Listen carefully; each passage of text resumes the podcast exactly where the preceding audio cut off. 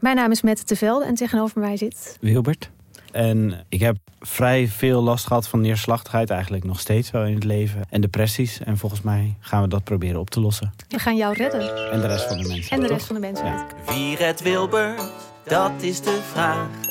Wie helpt hem bij de kwesties en problemen van vandaag? Luister naar Wie redt Wilbert en de rest van de mensheid. Een podcast van de VPRO voor NPO Luister. Het nieuwe album van Taylor Swift is uit. Ja, hier hebben we echt heel lang naar uitgekeken. Wat vind je ervan? Als je het mij vraagt, is Taylor Swift grappiger dan ooit op dit album. Ik denk dat om tot de kern van het album te komen, je echt weer het allerlaatste nummer moet weten te beluisteren. Misschien had dat wel het eerste nummer moeten zijn. In Taylor's era reviewen we de hele plaat, nummer voor nummer. Waar gaat het album over en waar staat het in het oeuvre van Taylor Swift? Luister nu naar Taylor's era op Podimo en Spotify. Dag lieve snuitenbeesties. Trek de tissues maar uit de kast, want dit wordt een tranentrekker. Tranen van blijdschap en verdriet. Dat is welkom bij Damn Honey.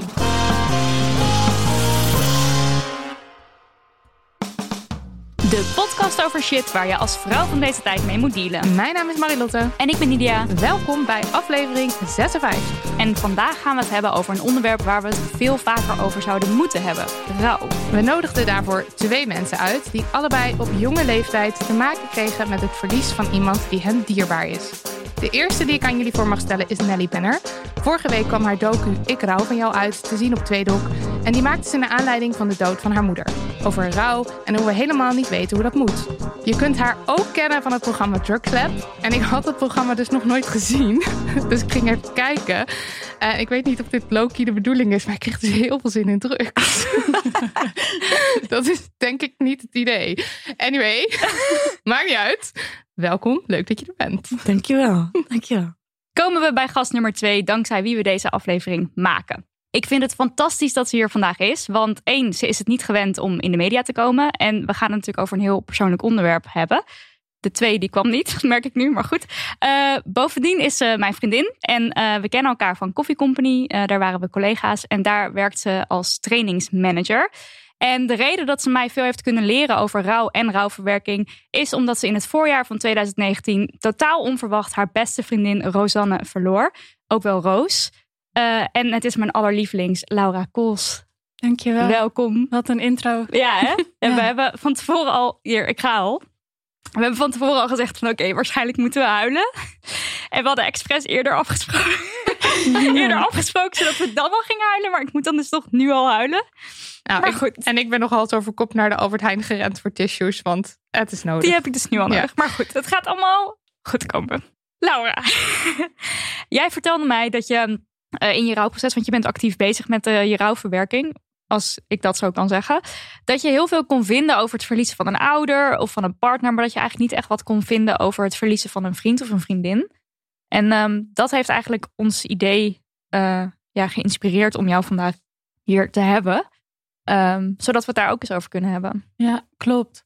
Je leest en hoort veel, steeds meer ook over jong rouwen, maar nooit over een vriend of vriendin. Ja. Of, eh, men het altijd ouder en af en toe partner. Dat kan ook nog wel jong gebeuren, maar vriend nooit. Dus vandaar, daar moeten we het over hebben. Eerst even iets eh, luchtigers. Marilotte, hoe ging jij de feminist in? Ehm, ik weet niet zeker of het een minst feministische is, maar het is in ieder geval een soort van het overpijnsen waard. Ik eh, werd afgelopen week ehm, midden in de nacht wakker eh, met pijn in mijn buik. En eh, ik dacht echt, ik, ik vond het echt een beetje een gekke pijn. Ik dacht meteen aan mijn blaas. Of het, ja, het voelde een beetje alsof ik nou ja, moest plassen. Dus ik ging plassen. Was een beetje pijnlijk allemaal. Eh, en toen ben ik weer in bed gaan liggen. En nou, nou ben ik dus, en het was niet over. En nou ben ik een vrij angstig aangelegd mens. Als in, ik denk echt onmiddellijk dat er iets aan de hand is. En dan inderdaad, van dan ga je googlen en dan kom je altijd uit op kanker. Maar ik ga, ik ga echt zeg maar uitgebreid. ja, ik, ik kwam uit op in, interstitiële blaasontsteking. En dat was dan iets chronisch. En dat was helemaal. Ik, en, en ik zit dan ook op het punt dat ik dan ook al in mijn hoofd helemaal aan het inrichten ben van oké, hoe moet dat verder in mijn leven? Hier ga ik dan lang last van hebben. Is dat dan erg? Weet je, dat ik gelijk een soort verwachtingsmanagement ga doen. Dus ik zat helemaal op die blaasontsteking. Ehm, Tot ik de volgende dag opeens een eh, pop-upje kreeg van mijn eh cyclus tracker Clue. Die zei: eh, Look for signs of your ovulation today. En toen dacht ik: Oh my god, ik heb gewoon vannacht mijn ovulatie gevoeld. En het eerste waar ik aan denk is: Oh my god, ik heb blaasontsteking en er is iets mis. En eh, ik vond het wel opvallend dat, ook al hou ik mijn cyclus redelijk bij en ben ik redelijk bekend met. Eh, Heel bekend. Je hebt twee boeken erover vertaald. En we ja, hebben het er heel vaak ik ben over. Heel bekend. En toch is het niet waar ik, waar ik aan dacht. Ja, dus toch ken je je lichaam dan weer toch niet. Nee. En het was ook wel, ik heb het wel eens eerder gevoeld, maar ik had het nog nooit zo gevoeld of zo. Ja. Het was wel een nieuwe gewaarwording. Maar dat ik dan dus niet denk, oké, dat zou het ook kunnen zijn. Want het trok ook gewoon daarna weg, zoals dat ook hoort bij ovulatiepijn. Dus eh, ja, ik weet niet, ik vond het wel vond het opvallend. Ja, Ik voel me altijd elke maand. Ja? Ja? Ja. En doet En- het bij jou ook pijn? Ja, het, ik dacht eerst, hè, ik moet, dan denk ik altijd, hè, ik moet toch niet ongesteld worden? Echt, dat is een soort... Maar het was, want het voelde iets, het voelde wel anders dan, eh, dan wanneer ik kramp heb van een ongesteldheid. En Ja. het zat ook meer aan één kant, dus Ja. dat klopte volgens oh, maar mij dat ook. is ja, want dan voel je dus vanaf welke kant die komt. Ja. Precies. Wow, ik ja, voel dat bijna altijd links. Dat is best wel Dat best toch ook om dat te is weten. wel fijn om te weten. Ja. En dit was dus dan de eerste, eerste keer blijkbaar voor mij. Yes. Kwam, kwam die van links of kwam die van rechts? Hij, hij zat hier. Is dat dan voor mij rechts? Ja, voor mij rechts. Nou, Voor de eh, mensen rechts. Ja, voor de mensen rechts. Voor, voor, nee, voor de mensen links. Voor mij rechts. Oh, sorry. Ja, Ja. voor de mensen- eh, anyway. Eh, dus dat vond ik een opvallend grappig ding. En ik heb wel het idee dat we allemaal toch nog steeds, blijkbaar ik als doorgewinterde cycluskenner, denk hier nog niet aan. Dus eh, eh, hè? Eh, educate mensen. Nidia. En jezelf, ja. Ehm, ik was met Laura een rondje lopen met Toby, mijn hond. En toen, Toby pakt alles in zijn mond. Hij is nog maar een puppy. En ik ben er best wel gewend. En ik reageer daar eigenlijk nauwelijks meer op. Hij eet ook kauwgom. En nou ja, het is allemaal best wel vies. Maar goed, het is dus voor mij niet per se dat ik het nog heel vies vind. Totdat hij dus, toen ik met Laura was, een tampon oppakte. Die niet helemaal niet gebruikt was. Maar mijn initiële reactie dus was... Eeuw, hij pakt een tampon! Dat was echt heel kinderachtig. en jij deed het ook, Laura. Ja, ik begon. Oh, ik, jij begon. Dat was ik wel vergeten. ik zei zo, gadver, wat is het? Een tampon. Eeuw, eeuw, eeuw, tampon. Was Ja, jouw dat is heel, reactie. heel stom. Ehm, maar dit verhaal gaat nog verder. Want een paar dagen later liep ik weer op datzelfde stuk met Toby. Ik had Marilotte aan de telefoon. En ik zeg dus op een gegeven moment, Toby, los. En ik zeg tegen Marilotte, ja, hij had een tampon in zijn mond.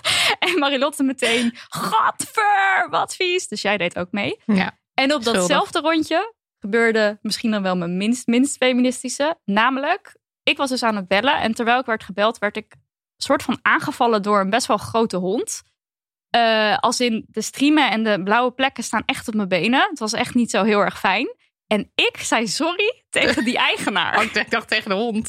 Nee, niet tegen die hond. Ik zei tegen die eigenaar: sorry dat ik aan het bellen ben. Alsof het mijn schuld was.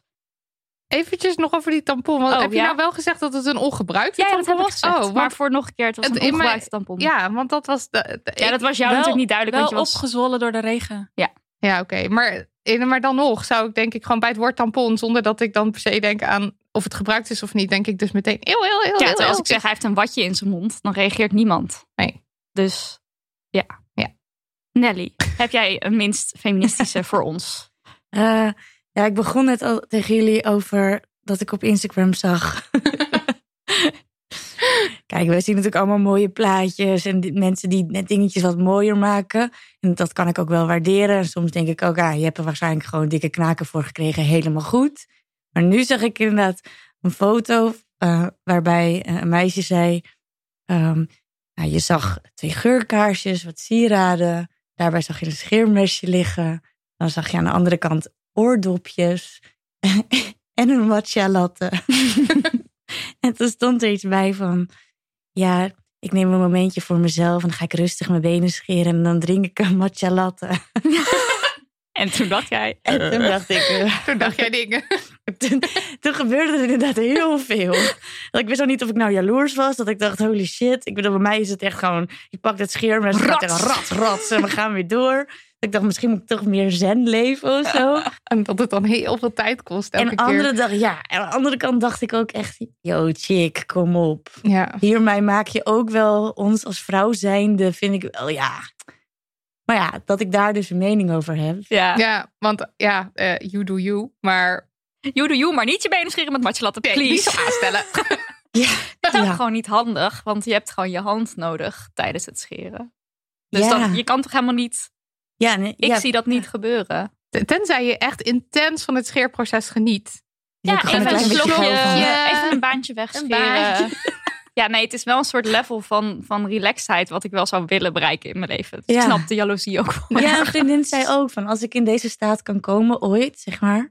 En zij is alleenstaande moeder ehm, met een baan en Oh, ze ja. doet nog een studie. En die zei echt, wow, ik ben echt wel een beetje jaloers dat je dit kan. Ja, nou, Ja, ja. dat snap ik. zo kan je het ook zien. Ja, en ik had nog één ander dingetje. En, en toen dacht ik, zou ik dat zeggen of niet? Maar ik keek dus nooit porno.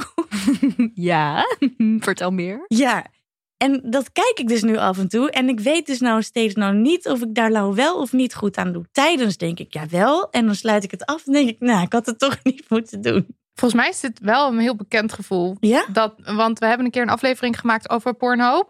En veel mensen die hebben dan toch zoiets van... oké, tijdens helemaal lekker. Maar zodra je dan bijvoorbeeld... zodra je niet bijvoorbeeld, zodra je bent klaargekomen... dat je meteen een beetje vies voelt of Ja, zo. Of, ja. of, of dat je iets, iets, iets slechts hebt gekeken. Eh, en ik en ik denk... weet ook dit- niet of het dan zo vrouw... nou, precies, want je weet niet is. hoe het is gemaakt. Precies, dat is eigenlijk het meest. Dat ik, Ja. wil, dat ik zelf geworden dingen heb gedaan, denk ik nog, ja, Allah. Maar dat ik dan later denk, ja, maar ik weet eigenlijk helemaal niet in wat voor situatie deze. Nee, Ja. en dan is het waarschijnlijk gratis porno, wat je ergens, eh, ergens Ja. klikt. En dan kan je er eigenlijk van uitgaan dat het niet ethisch, niet helemaal ethisch verantwoord geproduceerd is. Dus het is terecht dat je je Ja, heel slecht voelt. Dankjewel. Oké, ik, ik ga naar de betaalde porno bij deze. Laura, je hebt een... eh, Mm, ja. voor, de, voor de erbij. luisteraar thuis heeft dus twee post-its voor een carousel der minst feministische dingen. Ja, Bring ik dacht it. dat ik wel bewust was, maar dat valt dus wel tegen. Eh, ik zeg heel vaak onnodig sorry. Nou, kijk, daar gaan we. Ja. Ik Ding, heb ding. mezelf vrouwtje genoemd. In welke context? Ja, gewoon ook ben zo'n vrouwtje. Maar eh, niet als grapje. Want ik zeg dit ook wel eens. Nee, dat is niet als Oh, je bent een vrouw. Oké. Ik ben zo'n vrouwtje. bent u? Ik noem mensen heel vaak vrouwtje. Ja, maar niet op een Ja, het was een denigrerende beetje- ja, manier, dat- denk ja, ik. Want dan is het het naar zo mezelf denigrerend naar jezelf verwijzen. Oh, nee, Bijvoorbeeld nee. in de volgende zin. Ik ben zo'n vrouwtje dat zich scheert en dan een lat. Matcha lat. Sorry. Ik zei nu weer sorry. Dat is ook niet goed. Oké, ga door. Eh, ik heb me geschoren omdat ik een date had. Niet omdat ik het zelf wilde, maar omdat ik, dat ik dacht, dat wilde ander. Toen ik me niet had geschoren voor de date, toen dacht ik, beenhaar. toen iemand vroeg of ik iets op werk zelf had bedacht. eh, nou ja, ehm, nee, ja, eigenlijk had Nidia het bedacht. Maar ja, ik heb wel zelf, zei iemand, dus je hebt het zelf bedacht? Ja, eigenlijk wel. Eh, door naar de volgende post Toch leuk dat ik nog een beetje credits krijg daar in mijn oude bedrijf. Eh, ik ben natuurlijk de grondlegger van het tamponverhaal. Ja. Ja. Ik had me helemaal sexy aangekleed. Kort rokje, hoge laarzen, hakken. Alles erop en eraan. Ik fiets door de stad en ik was boos dat ik niet werd nageroepen. Oh ja, die heb ik ook wel eens Zelfs gehad. niet door mijn collega's. Nou ja, die En ik ben nog steeds een beetje boos. Tot het moment dat ik wel werd nageroepen. Toen werd ik ook weer boos. Ehm, en dat ik niet durfde te huilen voor deze podcast. Ja. Ook al vrij niet, Niet feministisch. feministisch. Mm, ja. Ja. Dat was mijn lijst. Dat dat een onderwerp was bij ons. Ja, oh, oh, oh, en waarom durf je dan niet te huilen? Ja, ja, je kwetsbaar opstellen. Terwijl ik dat kan openbaar huilen en eh, dat maakt me allemaal niet uit. Maar dan nu dat je weet dat mensen je horen of zo, opeens zorgt dat ervoor dat ik dan niet wil huilen. Of dat ik niet uit mijn woorden kan komen daardoor. En dat je dan ook heel zelfbewust bent misschien over dat dat, dat dan aan de hand is. Ja. En Huil je dan ook heel lelijk? Ja. Oh ja. Oh, Maar ook dat heel veel. Zin in. Oh, ja. Ja, precies. Hele rare geluiden. nou, ik hoop niet dat ik zo ga hyperventileren en zo snotteren. Het mag, het mag Ook dat, allemaal. ja. Het is een veilige omgeving. Mooi carousel, dankjewel. Ja. Welkom. Tijd voor... Tijd voor post. Post. En eerst natuurlijk eh, een leuk bericht. Hallo daar, Marilotte en Nidia. Ik heb even een leuk bericht dat ik graag met jullie wil delen. Deze week heb ik met mijn leerlingen van groep 6, 7, 8, dat is 9 tot en met 12 jaar, een discussie uh, over de onterechte verschillen tussen mannen en vrouwen. Dit omdat het Jeugdjournaal het had over de loonkloof. Het verschil zie je niet alleen bij loon, zei een meisje van 19. Overal zie je mannen hogere banen hebben en meer dingen kunnen doen. Overal was mijn vraag. Zelfs in Duckstad van Donald Duck zijn al, alle, alleen maar mannen burgemeester, zei ze. We hebben opgezocht of dit eerlijk is, want zijn mannen alleen burgemeester? Al snel kwamen we erachter dat vrouwen ook prima burgemeester kunnen zijn. Dan moet dat ook in Duckstad, vond mijn klas. Dan denken meisjes die Donald Duck lezen dat ze burgemeester kunnen worden. Jammer dat wij de Donald Duck niet schrijven, want dan kunnen we het nooit veranderen, zei ik zwaar overdreven. Gelukkig gingen er twee meiden uit mijn klas daar niet mee akkoord. Ze hebben de klantenservice van de Donald Duck gebeld om te vragen of ze de schrijvers mogen spreken. Dat kon niet, maar ze hebben wel een mailadres gekregen. Ze hebben een mail geschreven waarin ze niet alleen hebben beschreven waarom het belangrijk is dat vrouwen in Duckstad burgemeester kunnen worden, maar hebben ook geholpen met namen bedenken. Zo dachten ze aan Femke Gansema, Hetty Duck en Liesbeth Eenden. Zo leuk! Zo leuk. De redactie van de Donald Duck heeft binnen 24 uur gereageerd dat ze dit een heel goede tip vonden en hebben de meiden op het hart gedrukt dat ze vooral zo goed moeten blijven opletten en mailtjes moeten blijven sturen. Super toffe reactie vond ik dat. Stiekem ben ik natuurlijk hartstikke trots, net als de ouders van deze meiden. Maar ik wilde jullie hier ook even voor bedanken. Dankzij het luisteren naar jullie podcast ben ik proactiever geworden en geef ik die mindset weer door. Jullie zijn echt een sneeuwbal-effect gestart. Verder zijn jullie fantastisch, sexy, inspirerend, grappig en al die andere positieve dingen. Voel je niet verplicht mij terug te mailen. Ik weet dat jullie dit zullen lezen en er even vrolijk van zullen worden. Daar gaat het mij om. Nou, we werden hartstikke vrolijk. Groetjes Kim staat eronder. We werden hartstikke vrolijk. Kim, dankjewel. Voorgelezen alles. Helemaal leuk. Ja, fantastisch. Oh, Kids these days. En Donald Duck, we houden je in de gaten. In de smiezen. En Femke Gansema. Ja, zo goed. zo, zo goed. Echt, ja. Oké, gaan we naar de vraagstukken. Hey hoi, lieve Demmoney de podcast. Vandaag kwam ik een van de duivelse dilemma's van het vrouw zijn in de 21ste eeuw tegen die ik jullie graag zou willen voorleggen, omdat ik er zelf nog niet over uitgedacht ben. Ik zit op een kunstzinnige school. Een tijdje geleden ving ik kort een deel van een discussie over kledingvoorschriften op. Naderhand bleek dat de discussie tussen de teamleidster van de bovenbouw en een vrouwelijke medeleerling van mijn school ging over het niet dragen van een BH naar school. Dit vond onze teamleider niet kunnen. Zelf ben ik het hier totaal niet mee eens. Tepels zijn niet aanstootgevend en het verplichten van vrouwen om een BH te dragen gaat in mijn ogen gepaard met seksisme en het seksualiseren van het vrouwelijk lichaam. Onze teamleider gaf als een van haar argumenten dat er in vergelijking met andere scholen erg weinig kledingvoorschriften zijn op onze school, maar dat ze dit, geen BH, niet vindt kunnen. Wel apart is het dan dat er nergens online regels te vinden zijn over menig kledingvoorschrift op onze school. Dus het lijkt mij dan gek om een leerling hierop aan te spreken. Hoe staan jullie hierin en vinden jullie het kunnen om het dragen van een BH op een middelbare school te verplichten? Zelf heb ik me de laatste tijd meer verdiept in het recht rondom kledingvoorschriften en dit blijft natuurlijk een moeilijke discussie. Graag hoor ik jullie mening. Liefst honingbal 8000. Ik kan geen stallen 800. Marilotte helpt. 11961. Ja. Ofwel haar leerlingnummer. Ik vond het erg grappig. Uh, wow. Ja. ja. Wat vinden jullie? Ik vind het echt helemaal geen moeilijke discussie. Nee, ik ook niet. Ik vind het echt belachelijk. Ja. Echt belachelijk. Echt Ik ben echt, echt, echt zo, zo, zo plat als een plank. Ik, ik, heb, draag, ik heb mijn hele leven nog nooit een BH gedragen. En alsof maar, iemand dat... Kijk, dat is, dat is dan één ding.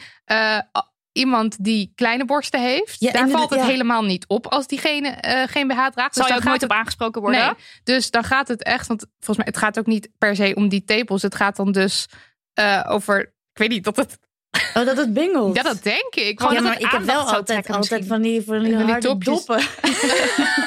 ja, maar ik vind het echt, ik, vind, ik word er echt kwaad van. Dat ja, ik denk, ja. trek het lekker zelf aan. Sommige vrouwen vinden het helemaal, meisjes niet helemaal niet lekker zitten. Mogen, ik, vind het, ik word er echt boos van. Ja, het uitgangspunt zou toch ook moeten zijn: trek een BH aan als je dat wilt. En anders lekker niet. Ja.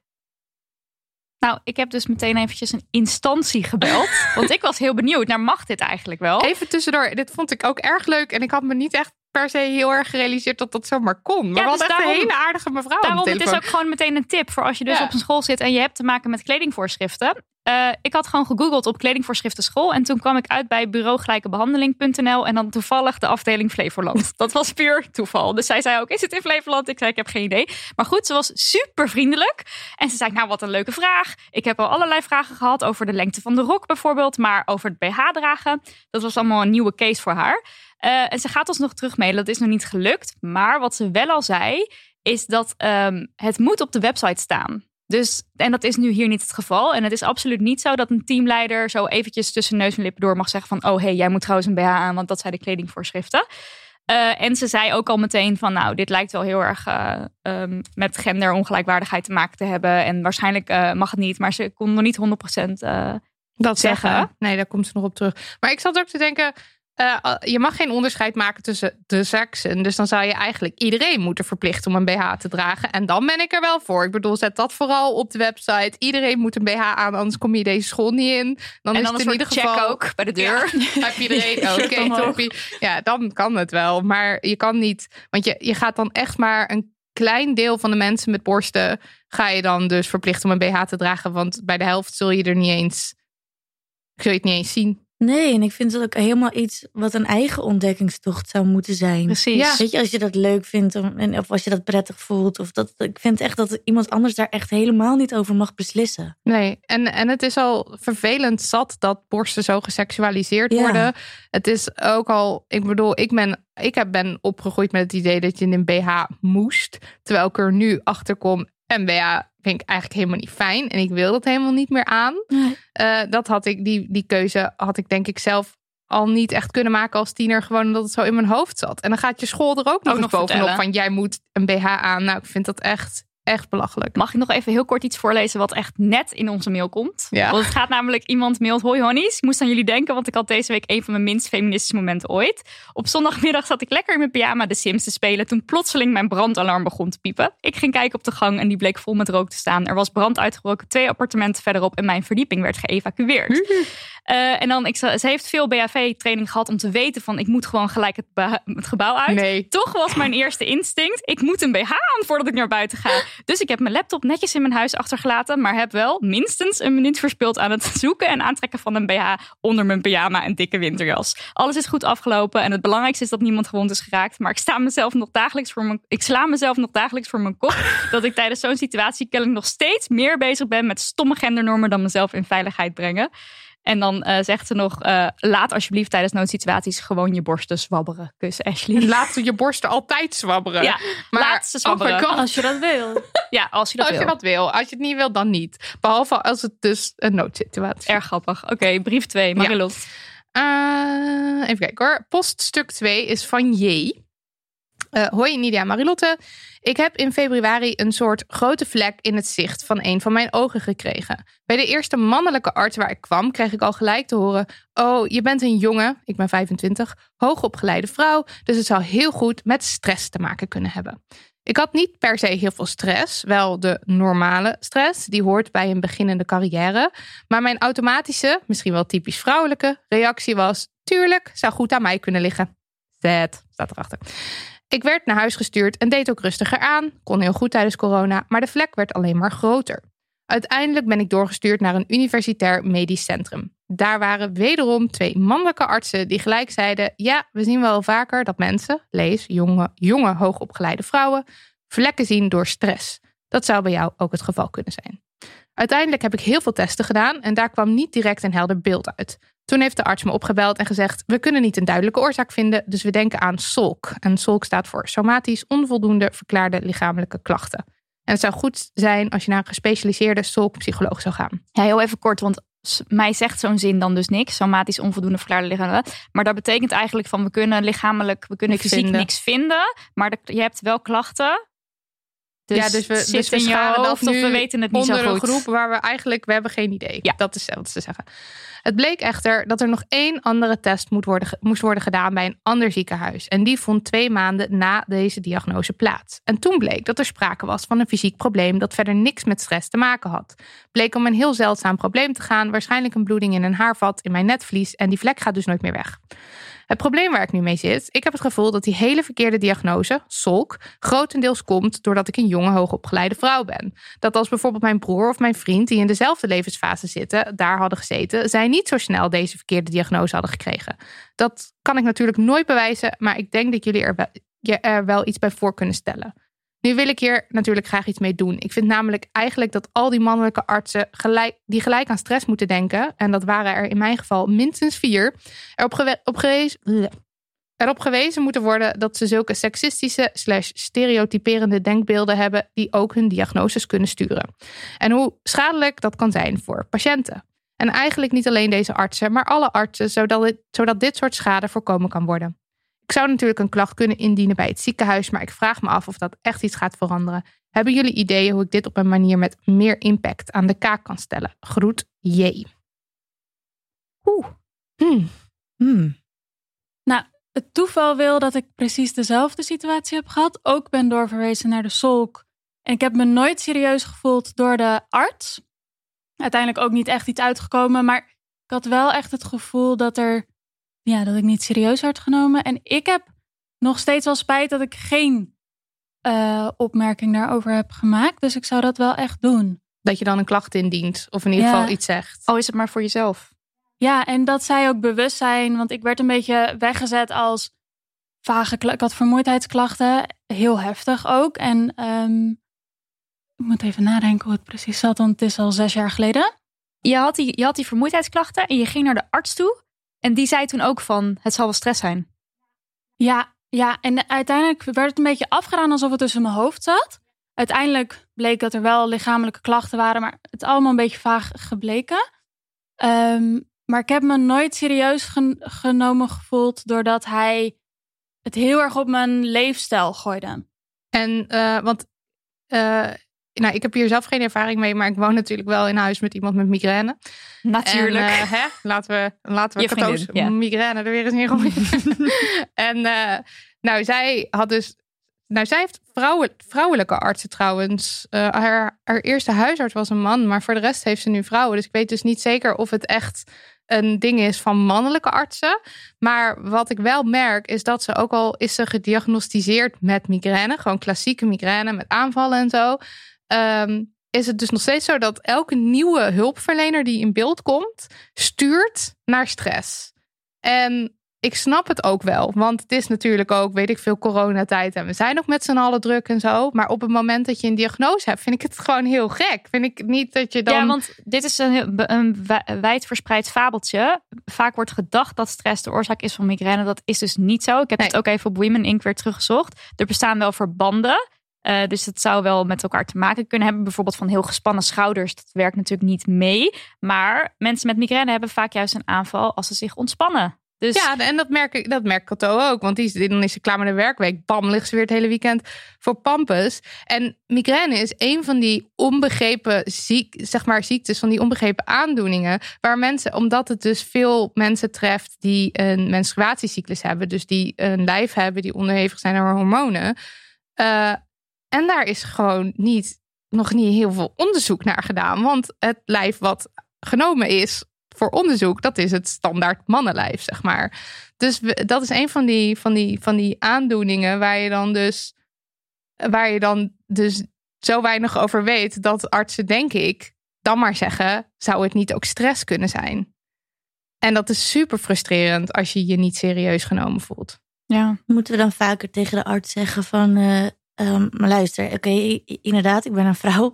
maar ik heb wel het gevoel dat jij het nu op stress gooit... en dat alle artsen... Zeg maar wat, dat het, hoe, Ja, hoe kunnen we het... eh, Ja, maar dat is dus heel lastig, want ik heb ook het idee dat er dus niet echt veel over gepraat wordt. Ik bedoel, als je daar als je komt als, als patiënt of als mens wat iets heeft, je wil gewoon dat een arts je serieus neemt. En je wil niet eerst door al die vooroordelen of ideeën of zo Maar moeten ik denk dat beuken je, die er zijn. Als je komt, dat je dus al die voordelen ook helemaal niet meeneemt. En dan zit je daar en dan wordt er stress gezegd. En dat had J ook. Dat zij zei dat ze dacht van, oh ja, Daar ik kan het ook misschien ook wel stress. Ja, het voelt niet zo, maar ja, misschien is het wel zo. Jij bent de arts, jij zal het wel weten. Ja. En zij schreef ook in haar brieven, we moesten hem inkorten. Maar dat ze dus eh, eh, heel veel paniekaanvallen en last eh, ervan heeft gehad. Dat dat dus gezegd werd van het, het Ligt komt aan door jou. stress en het ligt aan jou. En dat dat heel moeilijk is om ook weer Ja, om mee om te gaan. Ook omdat ze dan aangeeft, ik heb nu op dit moment geen stress. En dan ga je dus zo denken van, zou ik dan toch stress hebben? Zou, Ja. ik, dan, zou ik dan mezelf helemaal hier eh, helemaal gestrest zitten maken zonder dat ik het weet? Hoe moet ik dat dan oplossen? Ik kan me dus ook voorstellen dat je dan daar Ja, stress juist, van ja. krijgt. ja. Totaal. Ja. Maar je En hebt het- ook vertrouwen in een arts. Dus op Ja. het moment dat iemand dat tegen je zegt, dan ga je ook denken van, oh ja, dat klopt helemaal. Je zal wel gelijk hebben. Maar nou eventjes dat, dat deel waar zij zegt... oké, het komt dan omdat ik een jonge, hoogopgeleide vrouw ben. Ik vraag me af of dat bij mijn vriend zou gebeuren. ja. Is het niet een soort van... Ik, ja, ik- nou ja, wat we wel weten is dat er op de site van Women Inc... die solkklachten... dat 70 tot 90 procent van de mensen met solk Is vrouw. is vrouw. En dat is natuurlijk wel opvallend. Ja. Dus dat zijn, dat zijn de mensen met klachten waar artsen dan niet van kunnen thuisbrengen wat het is. Ja, en van aandoeningen waarvan we dus wel, eh, waarvan je het wel kan eh, zien aan lichamelijke functies, of hoe je het maar wil uitleggen. Eh, zoals endometriose. En er was ook een vorm van reuma. Er staan ook nog meer cijfers op Women Inc. Dat er heel veel zijn waarbij dus het bij vrouwen veel langer duurt voordat ze gediagnosticeerd worden versus mannen. Ja. Dus nou, bij endometriose dan eh, mensen met de cyclus dan niet, want dan kan je dat onderscheid dan niet maken. Maar bij die eh, reuma, daar was het geloof ik vijf jaar. Duurt het langer bij vrouwen om het te diagnosticeren. En reuma is natuurlijk ook zo'n zo'n vorm van een aandoening of een ziekte waarbij je zegt van ja, ik voel pijn in mijn lichaam. En ja, dat Ja. het dus vaag is voor, tussen aanhalingstekens, voor een arts. Dus ik vind het heel moeilijk om te zeggen van eh, ja, vrouwen worden. je wil ook je arts. Je wil ook je arts serieus nemen. En je gaat, ik ga er ook vanuit dat artsen het beste voor hebben met mensen. Maar ik kan me dus heel goed voorstellen dat die voorde- vooroordelen er echt zijn. En Ja. je ziet het ook, de cijfers wijzen er wel op. Ja. Maar goed, Laura, jij zegt dus eigenlijk van zeg, zeg er wel iets van, Ja. ook voor jezelf. Ja, en ik kan me voorstellen dat je in een gesprek het niet doet. Of niet doorhebt. Mhm. Maar ik zou er wel echt wat van zeggen. En ik denk ook dat je. Ja, wa- wapen jezelf dan toch maar. Want als je dit hebt en je hebt het idee dat je niet serieus genomen wordt, dan.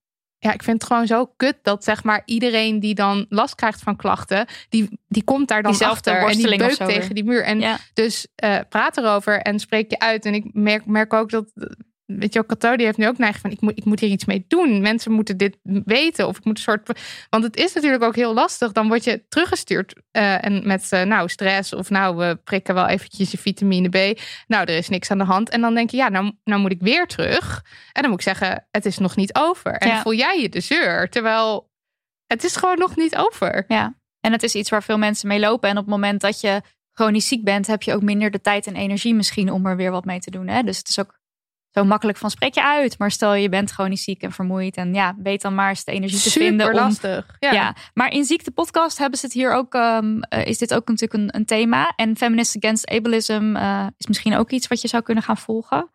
Eh, als je een beetje medestanders zoekt of ja. Ja, of in ieder geval mensen om er mee- mee over te praten en tips uit te wisselen of zo. En, en wees ook niet bang om een second opinion te vragen. Want ik weet dat mensen eh, soms daar een beetje, dan, dan voel je je lullig, omdat je je, je arts misschien ook niet echt het, eh, voor het hoofd wil stoten. Maar vraag om second opinion op het moment dat je je niet serieus genomen voelt. Of op het moment dat je je ongemakkelijk voelt. Eh, weet ik veel, al ga je tien artsen langs. Op het moment dat je dan iemand tegenkomt die jou wel serieus neemt. Dan is dat denk ik echt een verademing. Ja. Nou ja, dat is. Ja, het is tof tot nadenken. Ja, Ik dacht ook, er zijn ook inderdaad heel erg twee kanten. Aan de ene kant wil je dat hormonen juist heel serieus genomen wordt. En ons lichaam eigenlijk wel, toch? Vaker dat je denkt, hé, hey, waarom ben je daar helemaal nooit mee bezig? Of waarom als klein kind ook niet, of Mhm. zo? En anderzijds wil je ook niet dat alles wordt afgeschilderd Ja. op, die, eh, op die hormonen. Ja. Oh, of afgeschoven. ja nee, dat is zo. Ja. Want het moet ook niet een soort excuus worden of zo. Nee, precies. Want ik heb eigenlijk geen zin om meer moeite te doen. Het komt eh, waarschijnlijk omdat je een vagina hebt. Dus. ja.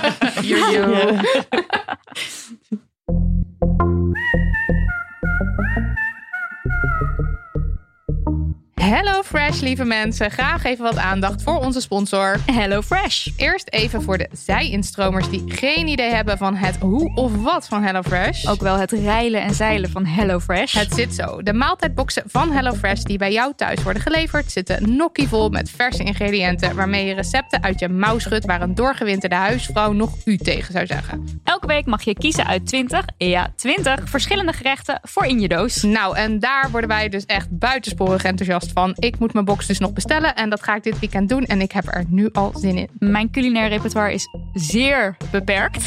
Dus op een briefje of website aangereikt krijgen wat je zou kunnen eten. En dat het dan ook nog heel makkelijk is om te maken. En lekker, weten we inmiddels uit ervaring. Dat is toch de dream. Leuk ding. Je zit nergens aan vast. Dus een weekje overslaan of je account stopzetten is mogelijk. Ik zag zelfs een volledig kerstmenu voorbij komen. Dat is ideaal voor mensen zoals ik, die op kerstavond nog eens bedenken dat het misschien toch wel leuk is om uitgebreid te koken. En dan zeg ik uitgebreid met alle mogelijke aanhalingstekens die er bestaan. En dat dan de time op is in de supermarkt en de laurierblaadjes. Zeg maar alle ingrediënten die een maaltijd enig cachet, een beetje jeu geven, die niet peper en zout zijn. Ja, don't judge. Ga naar hellofresh.nl en ben je nieuwe klant, dan krijg je met de code HelloDamnHoney in totaal 40 euro korting over je eerste drie maaltijdboxen. Hello, damn honey, dat schrijf je aan elkaar. Ga naar hellofresh.nl. Hallo. Fris.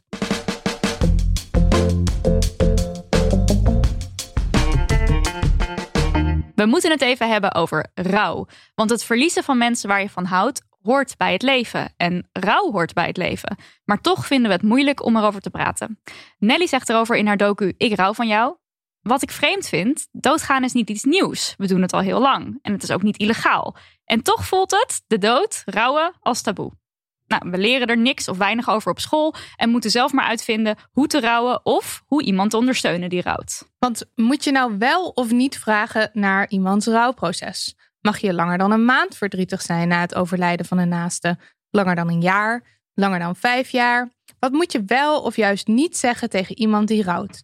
En wat kun je het best doen om iemand te ondersteunen? Wat kan helpen of steun bieden als je zelf een rouwproces doormaakt? Nu de dagen weer donkerder worden en de feestdagen er ook aankomen, is het voor sommige mensen die rouwen een extra moeilijke tijd. Al helemaal omdat het door corona niet gaat om met veel mensen samen te komen. Nelly en Laura, laten we daarom beginnen met de vraag. Misschien wel, ik weet niet dat jullie het ooit de, de gevreesde vraag vonden of vinden.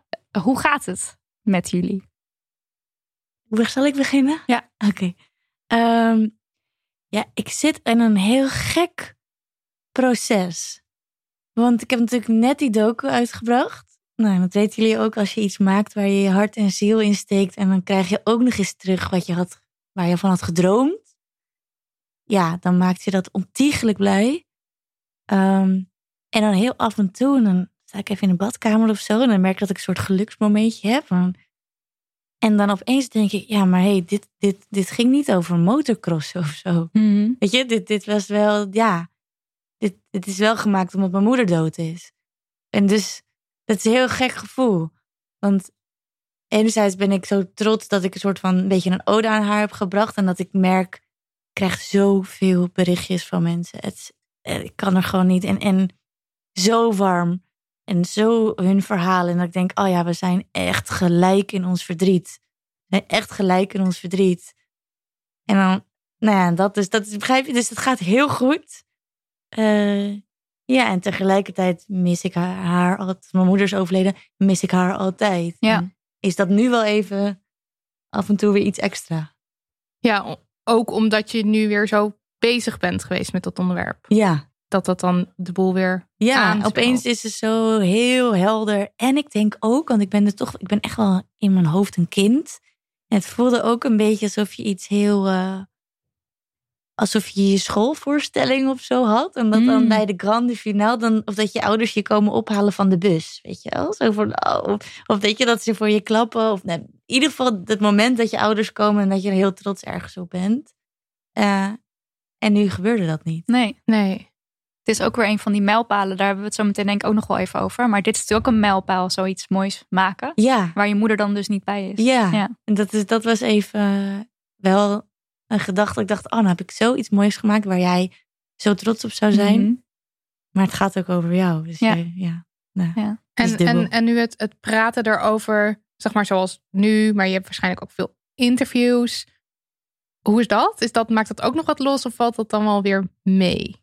Mm, ja, sommige opeens als er, als er een soort van nieuwe vragen komen die ik even niet zag aankomen. Dan nog wel, maar ik merk ook wel dat ik het af en toe even echt probeer te scheiden. Ook Mm. als ik mensen op Instagram berichtjes terugstuur of zo, dat ik denk, oké, ik ben nu even Nelly Maker. Mhm. Ehm, want anders dan komt het allemaal wel heel dichtbij. Dan, eh, dan soms moet ik mezelf heel even beschermen. Ja. Eh, van wanneer ga ik erin als dochter die heel erg haar moeder mist? Of wanneer ga ik erin als iemand die een hele mooie documentaire voor anderen wilde maken? En ik denk dat ik dat, nou, dat het wel lukt om daar een beetje in te, ehm, te kiezen. Ja. Alleen soms, ja, ik bedoel, ik ben ook een mens. Ja, Als ik jullie lieve ogen zie dan, eh, en met die tissue box en, en dan Laura denk ik, nee, ik zou vandaag helemaal niet huilen. Maar dan, ja, dan, dan, ja, dan wordt het best heel menselijk. Ja. Dat is ook goed. Mhm. En, eh, en Laura, hoe gaat het met jou? Ja, het is voor mij anderhalf jaar geleden dat mijn beste vriendin is overleden. En dat klinkt enerzijds heel lang en anderzijds heel kort. En het gaat ook op en neer. En ik denk dat ik echt nog vol in dat rouwproces zit. Het gaat op zich wel, maar ik moet zeggen, vandaag is wel echt zwaar. Met het idee ook van, oh, we gaan het er weer over hebben. En, Ja, en er ook te- eh, zo de dagen er naartoe werken. En ook weer gesprekken. ja, en je wil het delen met iemand en diegene is er niet. Mhm. Ja. Dat herken ik heel erg in wat jij ook zegt. Dus vandaag is wel zwaar. Eh, maar over het algemeen gaat het wel. Ja. Maar heel wisselend. En over de feestdagen, want dat had ik dus in het introotje geschreven. Eh, en toen zei jij net van, oh, dat is voor mij dan eigenlijk weer niet per se een, een trigger. Nee, ik vierde kerst. Vier ik eigenlijk altijd met familie no- of even een andere vriendengroep. Ehm, dus de kerstdagen zijn helemaal niet per se moeilijker dan, eh, dan andere dagen. Oud en nieuw dan weer wel. Oh ja. Ook omdat Ja. het zo'n... Ja, het is geen mijlpaal, maar het is zo'n speciale dag. Je gaat naar een nieuw jaar, weer een jaar wat iemand niet kent. Mhm. Ehm, en ik had, ging altijd tussen kerst en oud en nieuw heb je altijd van die feestjes. In midden in de twilight zone. En dat ging dus wel altijd met haar doen. Dus dan Ja. is het wel weer gek. En kan jij iets vertellen over Roos, over jullie band of hoe ze was? Of... Het is een zware vraag, denk ik, maar... Ja. Ehm, ik heb haar leren kennen op mijn dertiende. Ik heb haar leren kennen op mijn dertiende. En we waren eigenlijk gelijk beste vriendinnen. En we hadden elkaar... We waren altijd met z'n tweeën. En daarbuiten hadden we ons eigen leven bijna. We hadden allebei een eigen andere vriendengroep. En we, we waren elkaars inner circle eigenlijk. En ehm, Ik vind dat je echt, echt, als je moet huilen, laat het gaan. ja, het is Het niet is eens een- huilen. Het is gewoon zo'n... Ja, zwaar hè? En groot. Ja, ja ja, dit herken ik heel erg. Ik heb niet eens zo- het gevoel dat ik moet huilen, maar ik heb gewoon dit. Ja, zoveel, zoveel, dat is gewoon zoveel verdriet in je lichaam. Ja, en hoe kan je uitleggen wat iemand, wat iemand voor je is? Ze was gewoon de belangrijkste persoon in mijn leven. Ja, ja. Ja, ik denk, ik denk dat dat, dat voel je ook hier gelijk in de kamer nu, toch? Dat het je vet raakt. Want je voelt gewoon, gewoon dat iemand je zoveel liefde geeft. Hier, ja, ik denk zelfs dat de luisteraar dat zelfs wel kan voelen. Er zit hier nu, dit is volgens mij gewoon verbinding en liefde. En het missen van iemand die er niet, die er niet bij kan zijn. Maar dit is, dit is liefde. Je, Ja, ja het was als mijn ge- gekozen zusje, zo noemden we het ook. ja. Het mooie was ook dat we altijd met, zeg maar, samen waren. Dus nooit met andere vrienden. En dus het was ook echt wel een bijzondere, bijzondere band. Wat ook natuurlijk het rouwproces ook weer heel erg beïnvloedt. Omdat je dus iets had wat niemand anders... Zeg maar, het is misschien niet een helemaal goede vergelijking. Maar als een van je ouders overlijdt... dan kan je nog misschien met broertjes of zusjes... of met je andere ouder of met andere familieleden... heb je nog een soort van gezamenlijke herinneringen. En bij jou was het heel erg samen met Roos die unity... en dan ja, daarbuiten weer an- ja, andere vriendschappen. Ja, nou denk ik wel dat, dat rouw echt voor iedereen heel anders is. Ik weet Ja. niet of je dat hetzelfde hebt. Kijk, ik ken wel wat mensen die op, eigenlijk op het moment dat je naar buiten komt met je verhaal van mijn beste vriendin is overleden, dan hoor je opeens van, oh ja, ik heb dit ook meegemaakt of, of niet. En toch voelt het heel eenzaam. En ik denk inderdaad wel dubbel eenzaam, doordat je, ja, ik, ik ga wel om met vrienden van Roos. Ik kan met hen over rouw praten, maar zij voelen niet mijn pijn. En dat heb je, herken je misschien ook nooit hoor. Ook niet als je wel met een. eh, Nee, want ik denk, ik denk dat het is. Je hebt gewoon met bepaalde mensen in je leven. En het maakt misschien niet eens zozeer uit wie dat dan precies heeft. Maar heb je gewoon een hele sterke verbinding. Toch? En dan heb je er heel veel, heel veel liefde voor. En ehm, ik denk dat het inderdaad. Ik, ik merk het ook hoor. Ik hoor ook nooit over vrienden of vriendinnen die komen te overlijden. Terwijl dat natuurlijk wel gebeurt. Zouden we dat dan als maatschappij minder belangrijk vinden? Of dat we die houding hebben dat dat minder belangrijk is? Ik denk wel dat het. Dat in een oudere generatie. dat vriendschappen misschien wel. anders werden benaderd. Dat idee heb ik.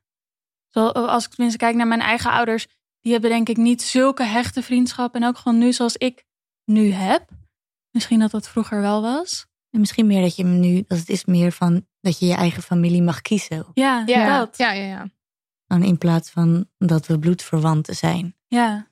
En, en, en daarbij, daarbij denk ik wel dat, dat een vriendin net zo goed eh, als een zusje kan werken. Ja. Of als een, eh sommige gevallen, je moeder. Zeg Ja. maar, ja, het, ligt, het ligt maar net aan, denk ik, wat voor verbinding je met iemand hebt. En hoeveel liefde je voor diegene hebt. En hoeveel liefde diegene voor jou had. Ehm, en hoe je je bij diegene hebt gevoeld. En ik weet niet of er dus dan verschil in maakt wat voor rol diegene in jouw leven speelde. Wat natuurlijk wel zo is, is dat bij zijn spreken op een gegeven moment met je moeder ben je misschien, nou ja, op z'n vaakst één keer in de week even eten. Maar ehm, met je beste vriendin ben je soms wel Misschien elke wel elke dag. dag, ja. En er, er, is er, weet je wel, je slaapt bij elkaar en je, je feest en je vertelt. Dus dat is, ja, en, en dat valt, die elke dag valt weg. Toch heb ik wel het idee dat als je zou zeggen: Mijn zus is overleden. eh, in plaats van mijn beste vriendin is overleden. Dat mensen heftiger misschien wel reageren op zus. ja, dat idee heb ik ook. Zie je ook toch ergens wel weer iets gewoon waar heel weinig over gepraat wordt. Ja. Van eh, ja, maar hallo, je hebt toch nog tien andere vriendinnen. En je Ja. hebt geen andere moeder meer. En geen andere zus. Ja. Misschien is het een beetje zo'n maatschappij. Ja. Maar je vindt gewoon weer een andere vriendin. Ja, maar hallo, zo werkt het niet. Nee. Dit was mijn vriendin. Ja. Ja, En die ga ik niet meer terugvinden. En dat doet gewoon, eh, dat doet gewoon heel veel pijn. Ja. En jij, Nelly, wil jij iets delen over je moeder? Ja, ja. Ehm, ja, Laura zei net met anderhalf jaar. En ik denk ook dat. Voor mij is het nu vijf jaar. En anderhalf jaar is ook wel echt een kloot. Dat is echt een klote jaar. Dat vond ik zelf. Dat vond ik eigenlijk het allermoeilijkste moment. Want ja, hoe clichématig ook, dan heb je een jaar lang al dat en dat en dat allemaal niet met elkaar gedaan. En ehm, Dan moet je weer. Ja, en je kan iemand ook nog wel, iemand kan gaan reizen of zo een jaar. En dan, maar ja, na dat jaar is het wel echt heel lang. Ik had echt van, ik had, ik had het wel aangekund om mijn moeder een jaar niet te zien. Maar toen dat jaar voorbij ging, toen was het echt, hè, maar wanneer kom je nou terug? En ik denk, eh, even over mijn moeder, want dat vroeg je me, sorry. Ehm, ik had een hele, hele leuke moeder. Een kinderpsychologe. Ontzettend intelligent. Soms een beetje te inte- intelligent voor zichzelf, denk ik. Eh, en eh ze was heel, ons echt heel menselijk. Heel menselijk over zeg maar BH's dragen. Zij droeg nooit een BH. Zij had wel borsten. Dan nam ik ook altijd kwaad. Hele mooie borsten. Nee. Eh, maar ja, echt... eh, ja, had veel scheid aan anders. Vond heel erg dat je jezelf moest kunnen zijn. Eh, echt een heel... Ik denk dat ik wel mag zeggen, als je bij haar in de buurt was, dan voelde je je altijd een beetje prettiger. En dat maakte geen reet uit. Of je jong, oud, zwart, wit, dik, dun, hoog opgeleid. Nou, weet ik veel, praktisch opgeleid. Of, eh, of eh, universitair opgeleid. Eh, maakte er geen ene... Ja, een leuk, leuk mens. En was je heel close met haar? Ja. Ja. Ja, vandaar dat ik ook wel dat ik het ook wel het fijn vind om het ook soms wel te benoemen van inderdaad, mijn docu heb ik gemaakt over moeders. Maar later dacht ik ook, ja, maar het geldt wel, want dat dat merkte ik ook aan de verhalen die ik later hoorde. Het gaat heel erg over dus die, ja, hoe intens die verbinding is Ja. met iemand. En toevallig was ja, de verbinding met mijn moeder gewoon heel fijn. Ja. Ja, ik vond het heel erg prettig om bij haar te zijn. En om met haar te praten. Ik had altijd zoiets van, jij kan net dat ene zeggen. Dat ik denk, ja, nu is het leven weer leuk. Ja. En dan hadden we het net al heel even over dat jij dat je aangeeft van die anderhalf jaar. Dat was voor jou een zwaardere tijd. En ik denk dus dat de maatschappij heel erg denkt van... Nou, je hebt dan dat overlijden, dat is heel heftig. En dan ben je daar een jaar heel verdrietig om. En dan wordt het minder. Ja. Is dat iets wat, wat, je, wat je van mensen hoort? Ja, er wordt natuurlijk ook altijd gezegd, je moet vier seizoenen door. Maar eigenlijk is dan, en in die tijd heb je, krijg je heel veel steun. Ja. En nu, er is eigenlijk, er zijn weinig, me- ik wil niet zeggen niemand, want dat is niet waar. Maar weinig mensen die echt nog vragen, hoe gaat het? Hoe is je verdriet? Hoe, hoe rouw je nu? Hoe ben je ermee bezig? Dat gebeurt nu eigenlijk niet meer. En dat maakt het nu inderdaad wel heel zwaar. Dat je, het voelt gewoon veel eenzamer dan aan het begin.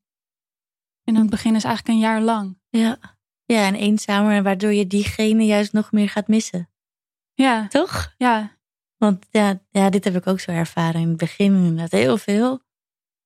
En juist, ik denk na die anderhalf jaar, ik wil juist heel graag over mijn moeder praten. Ik wil haar juist levend houden. ja. En terwijl alle andere mensen die, ja, zwegen haar een beetje dood of zo. Ik dacht, ja, maar Ja. zij zit nog steeds in mijn hoofd. Ja, je kan ook verhalen nog vertellen, of ik kan nog verhalen vertellen alsof het gisteren is gebeurd. Wel, dat is natuurlijk nu al, eh, al, al veel langer geleden, maar ik hou haar daardoor heel erg levendig. Maar andere mensen die doen het natuurlijk niet meer. Heel vind- af en toe gebeurt het trouwens wel dat iemand opeens met een verhaal komt en dan. Dat, zijn, dat is zo mooi. Vind je het fijn om over haar te praten? Ja. Ja, ik denk dat namelijk dat mensen heel vaak vergeten. Ehm, en dat we heel spastisch reageren op het moment dat, ja, dat iemand volschiet of zo. Weet je? Dan, Ja.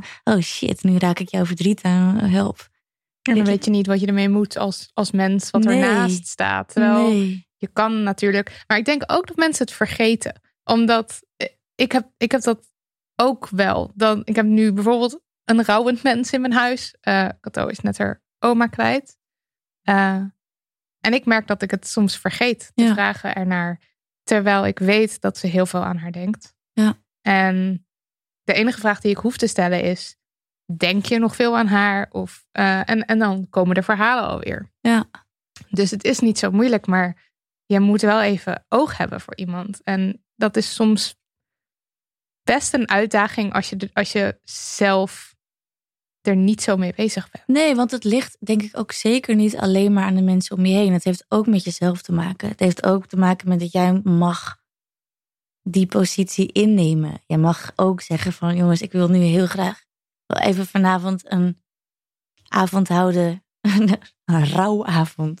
Ja. ja, gewoon eis dat maar op. Want ik denk ook dat mensen dat heel... Mijn vriendinnen hadden dat achteraf heel prettig gevonden. Want die dachten ook, ja, eh, we proberen steeds wel te vragen. Maar en ik dacht de hele tijd, ja, heb je haar weer met die dode Oh, ja. moeder, weet je wel. Dan, nou ja, voelde ik wilde ook niet de sfeer verpesten of zo. Ja, jij wilde niet de persoon zijn met de dode moeder. Nee, maar ook niet omdat, net als jij je misschien opgelaten voelt. Als je het merkt dat, het, nou, dat die spanning zo hoog is en dat je je verdrietig voelt, dan voel je je toch misschien een beetje opgelaten. Ja. En weet je, misschien de gedachte van, ja, weet je, dan moet ik weer huilen. Dan moeten andere mensen mij weer troosten. En dan ben ik de zieligerd. Terwijl ik denk dat wij het allemaal heel prettig vinden om iemand te troosten.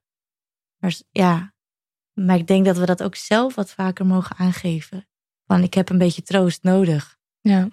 Ehm, En dat daar dus ook niks schaamtevols in zit om dat te doen. Nee, omdat we leven allemaal ons eigen leven. Net als jij, ja, ik vergeet soms gewoon dat die oma dood is. Ja, logisch. Want we hebben allemaal zo'n druk eigen leven. Het heeft niet ermee te maken dat het jou helemaal niks interesseert. Nee. Maar ja, soms moet je er gewoon, ja, dan moet je het gewoon even zeggen of zo. Maar dat zijn we gewoon niet gewend. We zijn wel gewend om te zeggen van, hé, hey, ik heb echt iets superleuks gedaan. En eh, weet ik veel, weet je, ik ga nu dit en dat en vet. En dan kan de ander zeggen, ah, super tof. Ah, echt cool van jou. Je bent echt fantastisch bezig. ja, dat doen we allemaal wel. Maar Mhm. je geeft het toch niet zo snel aan van, nou, ik heb vannacht echt heel erg gehuild. Want ik miste haar zo erg. En ik heb gedroomd dat ze er weer was. En toen werd ik wakker en toen dacht ik even dat het echt zo was. En nou ja, dat zijn zoveel emoties. En dat is zo prettig om met iemand te delen. Maar ja, ja dus ik denk dat daar een taboe op ligt. Ja. Ja. Dat ook het überhaupt het jezelf kwetsbaar neerzetten. Nou, het is ook een vorm van ruimte innemen natuurlijk. Want je vraagt even om dat het even om jou gaat. Ja. En dat is voor sommige mensen misschien moeilijk. Terwijl ik heb bij jou, Lara, wel altijd ervaren dat je dat heel goed aan kon geven. Ja, ik heb ook wel het idee dat ik dat deed. Ja. Ik heb heel veel rouwboeken gelezen. Daar stond inderdaad in, je moet het aangeven. Want iemand weet het niet wat jij nodig hebt. Dus je moet het zelf gewoon vertellen en delen. Dat helpt wel heel erg. En er moet ook een soort open sfeer zijn met, met een persoon. Dat je ook altijd gewoon het kan dumpen. Mhm. Ja, ik heb ook wel mijn kop gekregen. Van vriendinnen die zeiden van ja, maar jij hebt het er helemaal niet meer over. Oh ja, Ja, dat ze jou juist... Ja. Maar ik weet dan.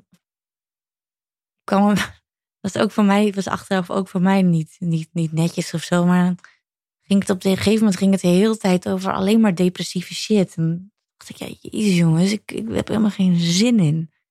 Om, om alleen maar die zware verhalen aan te horen. Dus, maar dat was gewoon, mijn, mijn emmer met verdriet zat al vol. Dus ik kon eigenlijk, ik kon die andere verhalen eromheen niet aan. Hmm. Terwijl nu denk ik ook, ja, daar had ik ook misschien ook wel een beetje meer ruimte. Het was ook inderdaad alleen, ik wilde opeens alleen maar leuke dingen doen. Dat is ook het moeilijke, denk ik, voor anderen. Want jij zelf wil inderdaad even juist uit rouw stappen en iets leuks doen. En anderen willen het vragen, maar willen niet op jouw pijnknop drukken en je weer even helemaal onderuit schoppen. Ja, Dat je weer helemaal in zak en as zit. En Ja. dat is het moeilijke. ja, ja, dat zeg je echt heel goed. Ik denk dat dat, dat, eh, dat heel veel gebeurt. Want inderdaad, je wil niet de hele tijd alleen maar met de dood en je verdriet bezig zijn. Af en toe heb je het ook echt gewoon nodig om te lachen en goede grappen te maken en leuke dingen te doen. Maar er helemaal niet over praten.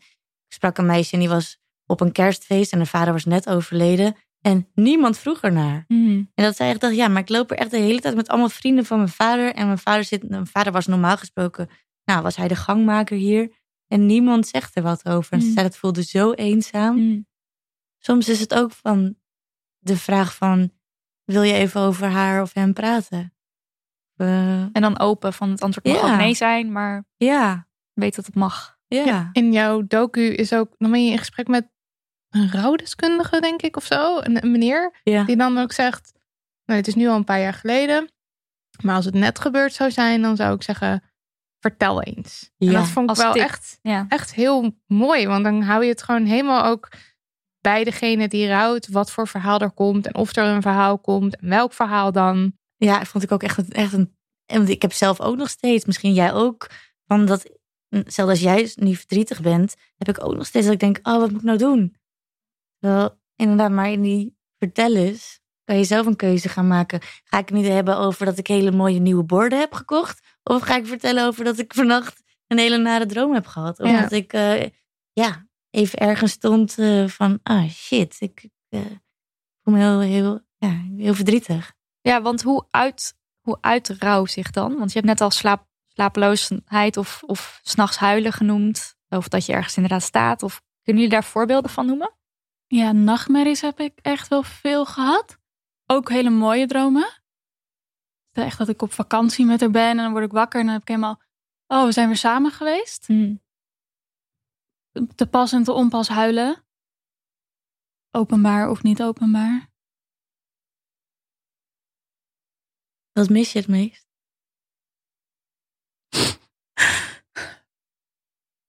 Echt zo'n rake vraag. Haar aanwezigheid. Ja. Ja, Ik denk nou dat dat ook echt een rouw is. Gewoon echt iemands aanwezigheid zo missen. En die is niet, even helemaal niet vervangbaar. Nooit meer vervangbaar. Ja, het maakt niet uit wat ik, wat je wil doen met iemand of wat je deed, maar dat iemand er gewoon was. Ja, dat herken ik wel echt heel erg. Dat herken ik heel erg. ook. ehm, ik zei op een gegeven moment: het voelt echt als liefde wat nergens naartoe kan. Zo voelt het echt. Heel echt een, en dat uitzicht dan in of verdriet, of soms boos, of soms het uitzicht op vreemde vlakken of zo.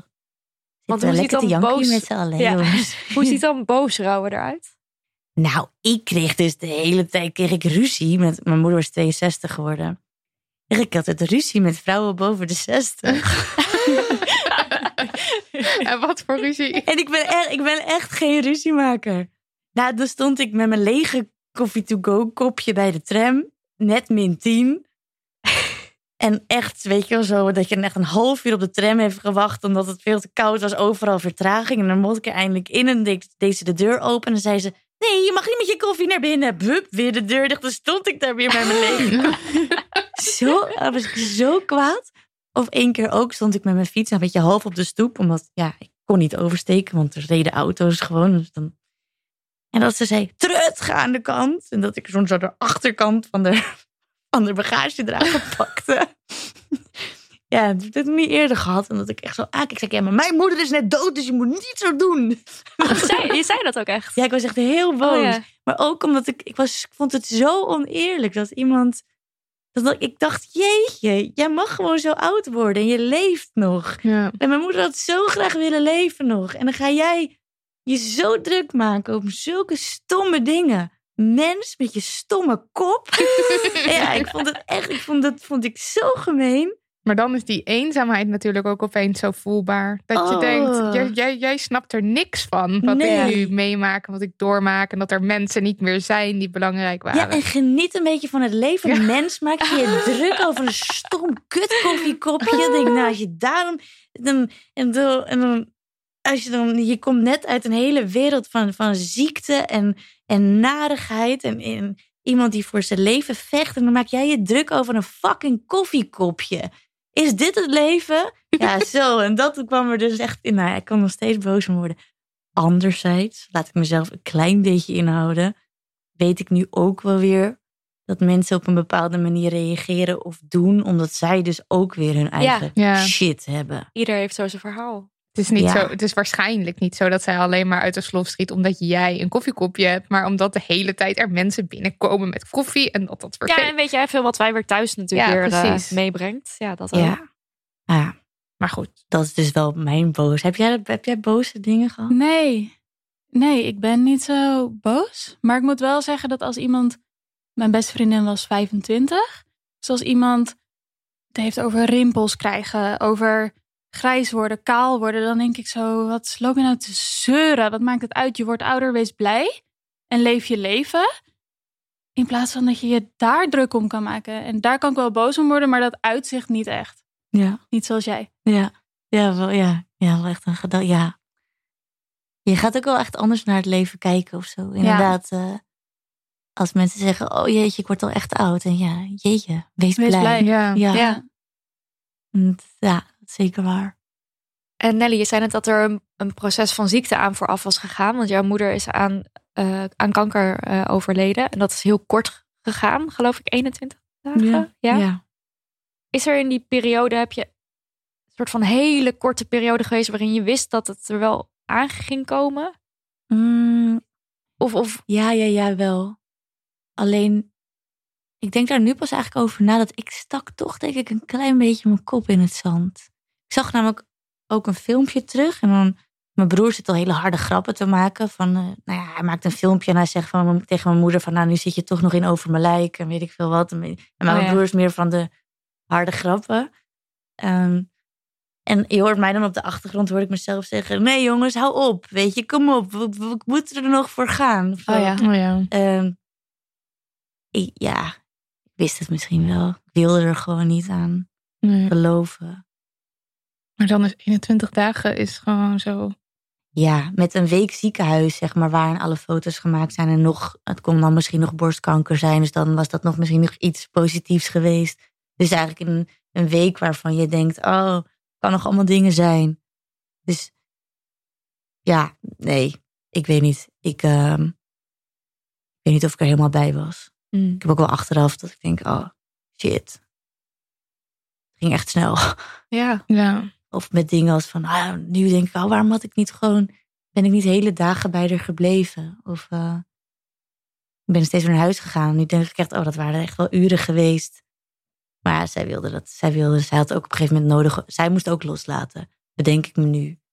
Maar zij kon helemaal niet dag en nacht met ons zijn. En voor haar waren het natuurlijk ook maar 21 dagen. Ja, dan hoor je, ja, dat slaat ik ook helemaal nergens op. Dus als ik nu mezelf zou, als ik nu zou bedenken dat ik eh, over 21 dagen niet meer, nou, dat wist zij natuurlijk niet, maar ze wist wel dat, ze, ik, zij wist al dat het heel rap ging. Ik denk dat ze ook moest loslaten. Een beetje afstand nemen, anders kan je, kan je denk ik niet sterven. gaan. Nee. Nee, ja. Idioot, wat, wat ook wel weer wat je wel weer aan kan hoor, maar je, je hoofd zit in een zo'n rare bubbel of zo. Heel gekke. Ja, het is echt, hoe noem je dat? Unforgiving natuurlijk, want je moet wel. Het is, het is niet zo dat je een keuze, het is niet zo dat je kan zeggen, nu is het even klaar. Ik doe hier niet aan mee. Ja. Nee. De- En dus Nee. je, je moet wel. Ja. Ja, ja je, en je wordt ook, dat, dat merkte ik aan ons allemaal, je wordt ook ontzettend geleefd met de dingen die je moet doen en in het ziekenhuis. En, ehm, en het is zoiets nieuws. Het is niet, ehm, maar, nu kom ik er ook achter inderdaad dat er plekken zijn waar je kan praten met mensen of waar je samen kan komen of stichtingen zijn. Of, eh, en dit was dan wel erg kort, maar dat ik denk, daar kom je pas achter op het moment dat je ermee in aanraking komt. Zeg Ja. maar. Begrijp je hetzelfde? Ja. Op het moment dat ik zeg maar naar feminisme ga zoeken en me daarmee bezig ga houden, of weet je, dan is er een grotere kans dat ik bij jullie terechtkom. Dat ik denk, oh ja, dat er maar iets gebeurt, dat ik ongelijk behandeld word, ja, dan kom ik bij jullie terecht. Ja, ja, ja. ja. En ehm, dat had ik achteraf, dat ik dacht, ah nee, ik denk dat ik daar wel wat meer op school over had willen leren. Ja. Over dat hele met de dood bezig zijn. ja, een soort rouwles of zo. Dat je weet wat de mogelijkheden zijn. Dat je dan. Vroeger, als iemand overleed, dan lag iemand in de woonkamer opgebaard. En je zag als kind af, vanaf kind af aan, zag je de dood. En nu is het allemaal heel erg weggestopt. Ja. Daardoor ken je het ook echt niet, als je er niet mee in aanraking bent gekomen. En was het voor jou ook helemaal nieuw, Laura? Ja. Ja. Had je daarvoor wel eens nagedacht over dood zijn? Of had je misschien wel eens met Roos erover gepraat? Ja, we hebben het er wel eens over gehad. Ik, ehm, ik kende iemand die haar beste vriendin was verloren. Ik kende haar eh, niet goed, maar ze vertelde het me. En ik eh, heb daar heel ehm, luchtig eigenlijk op gereageerd. Ik wist ook niet zo goed wat ik moest doen. En dat heb ik met Roos besproken. En toen spraken we ook uit van ja, ik zou echt niet weten wat ik zonder je zou moeten. Dat kan ik helemaal niet aan. Dus wel op die manier, maar niet verder dat je gaat. Alsnog kan je, ook al heb je het over gehad, je kan je echt niet indenken hoe het echt is. En verder kende ik rouw eigenlijk niet. Of zo, zo'n hartepijn is het echt. Ah, ja, ja dat, dat zeg je wel mooi. Ja, en wordt wel vaak ook wel vergeleken met liefdesverdriet en dat klopt ook wel. Maar het is wel een soort van maal 500. 100.000. Ja, inderdaad. Ja. Komt wel inderdaad bij elkaar in de buurt. Gaat inderdaad later pas lezen erover en wat je kan doen. En eh, ik, eh, ik loop zelf ook bij een psycholoog eigenlijk vanaf het begin af aan. Die heeft mij echt wel ondersteund in ja, niet hoe je moet rouwen, maar wel door hoe je daarover kan praten. En dat is heel fijn. Want dat leer je niet. Je leert niet dat je. Ik, eh, ik zelf klap heel erg dicht op het moment dat er iets heftigs gebeurt. En dan ga ik eerst zelf verwerken. Maar in zoiets groots kan je, is het volgens mij helemaal niet goed om het zelf te gaan doen. En het was eigenlijk dat mijn baas tegen mij zei van... ga met iemand praten, het kan je alleen maar helpen. Want ben jij wel, nadat je het nieuws van Roos hoorde, het eerst dus. Ben jij toen meer in jezelf gekeerd eerst? Heb je, dacht jij. Ging je het eerst zelf doen? Ehm, ik heb eh, de eerste week eigenlijk mijn eigen vrienden ook echt wel een beetje op afstand gehouden. Of niet een beetje, gewoon helemaal. En ehm Roos is in, in Argentinië overleden bij een auto-ongeluk. Dus dat was ook een hele gekke tijd. Waarin we niet wisten wat er ging gebeuren. Haar ouders waren bij haar. We wisten niet wanneer zij terug zouden komen en, en hoe, dat, hoe dat ging. En ehm, ik ben toen die hele week alleen maar bij mijn vader geweest. En bij de vrienden van Roos, omdat we allemaal dat verdriet hadden en allemaal in die bubbel zaten. Maar mijn eigen vrienden, die, die, die probeerden wel contact met mij te maken. En ik was heel Ik, heb, ik lees wel eens mijn WhatsAppjes terug. Ik heb via WhatsApp heb ik in de groep gewoon gestuurd. Uh, Razan is, uh, is twee uur geleden overleden. Punt. Gewoon super koud. En zij wilde wel, zij wilde naar me toe komen, maar kon dat niet, kon het er niet bij hebben. En dat heeft, nou, ik denk wel bijna een maand eigenlijk geduurd. Maar die eerste week heb ik echt niemand gezien. Was je ergens bang voor als je ze zou zien? Of wilde je gewoon zo graag alleen met je verdriet zijn? Nou, ik wilde niet uitleggen wat, er, wat ik voelde. Dus ik, was, ik zat volledig wel in dat verdriet. Maar met mensen die me in elk geval begrepen en ook Roos echt kenden. Want mijn eigen vrienden kennen haar wel, maar niet goed. En ik wilde gewoon niet uitleggen wat ik voelde. Of, of ik kon het gewoon niet. Ik, dat gevoel echt. Ik kan jullie niet zien. Ik kan niet me openstellen. Was dat nodig? Is het achteraf fijn of heb je er achteraf spijt van? Ik heb er vanuit mezelf geen spijt van. Maar ik kan me voorstellen dat het, als iemand dat bij mij zou doen, zou ik dat heel zwaar vinden. Omdat je, je wil iemand helpen, je wil iemand troosten. Maar als iemand dat niet toelaat, ja, wat, wat kan je dan? Ik zou me heel machteloos voelen. En dat is denk ik wat voor anderen echt allermoeilijkst is. Je ziet, je weet dat iemand pijn heeft, maar je kan niks doen. Of je kan wel wat doen, maar je, iemand laat het niet toe.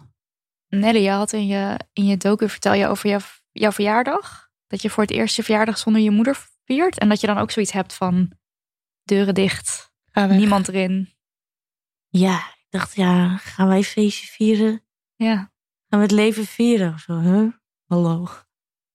Ze hebben trouwens nog steeds allebei niks gezegd. Vind ik grappig. Ik vraag me af het moment dat ze zeggen, oh. Want ik deed dus gewoon alsof ik niet thuis was. En toen... Oh, je deed ook echt letterlijk alsof je niet thuis ook, was. En ook mijn buurman had dus ook open gedaan. En dan heb je de eerste deur en dan heb je de tweede deur. En die is echt zeg maar zo'n hele dun deurtje. Dus ik hoorde ze daar zo staan en kloppen en dingen. Oh, ze is er niet. En ik zat echt zo... Uh, nee, ik heb er helemaal geen zin meer in. En dat heb je nooit met ze besproken achteraf? Wel, Oh. want toen gingen ze weer weg. En toen dacht ik, ja, dit slaat echt helemaal nergens op, Nel. Kom op, weet je. Ik bedoel, je, het, zijn je, ja, het zijn gewoon, deze meisjes ken ik al vanaf mijn achtste. Dit kan, je kan met ze huilen. Je kan, weet je, kom op. Dus toen belde ik op, zei ik, ja, ik ben net thuis. Stonden jullie voor de deur. ja, het geloog ook.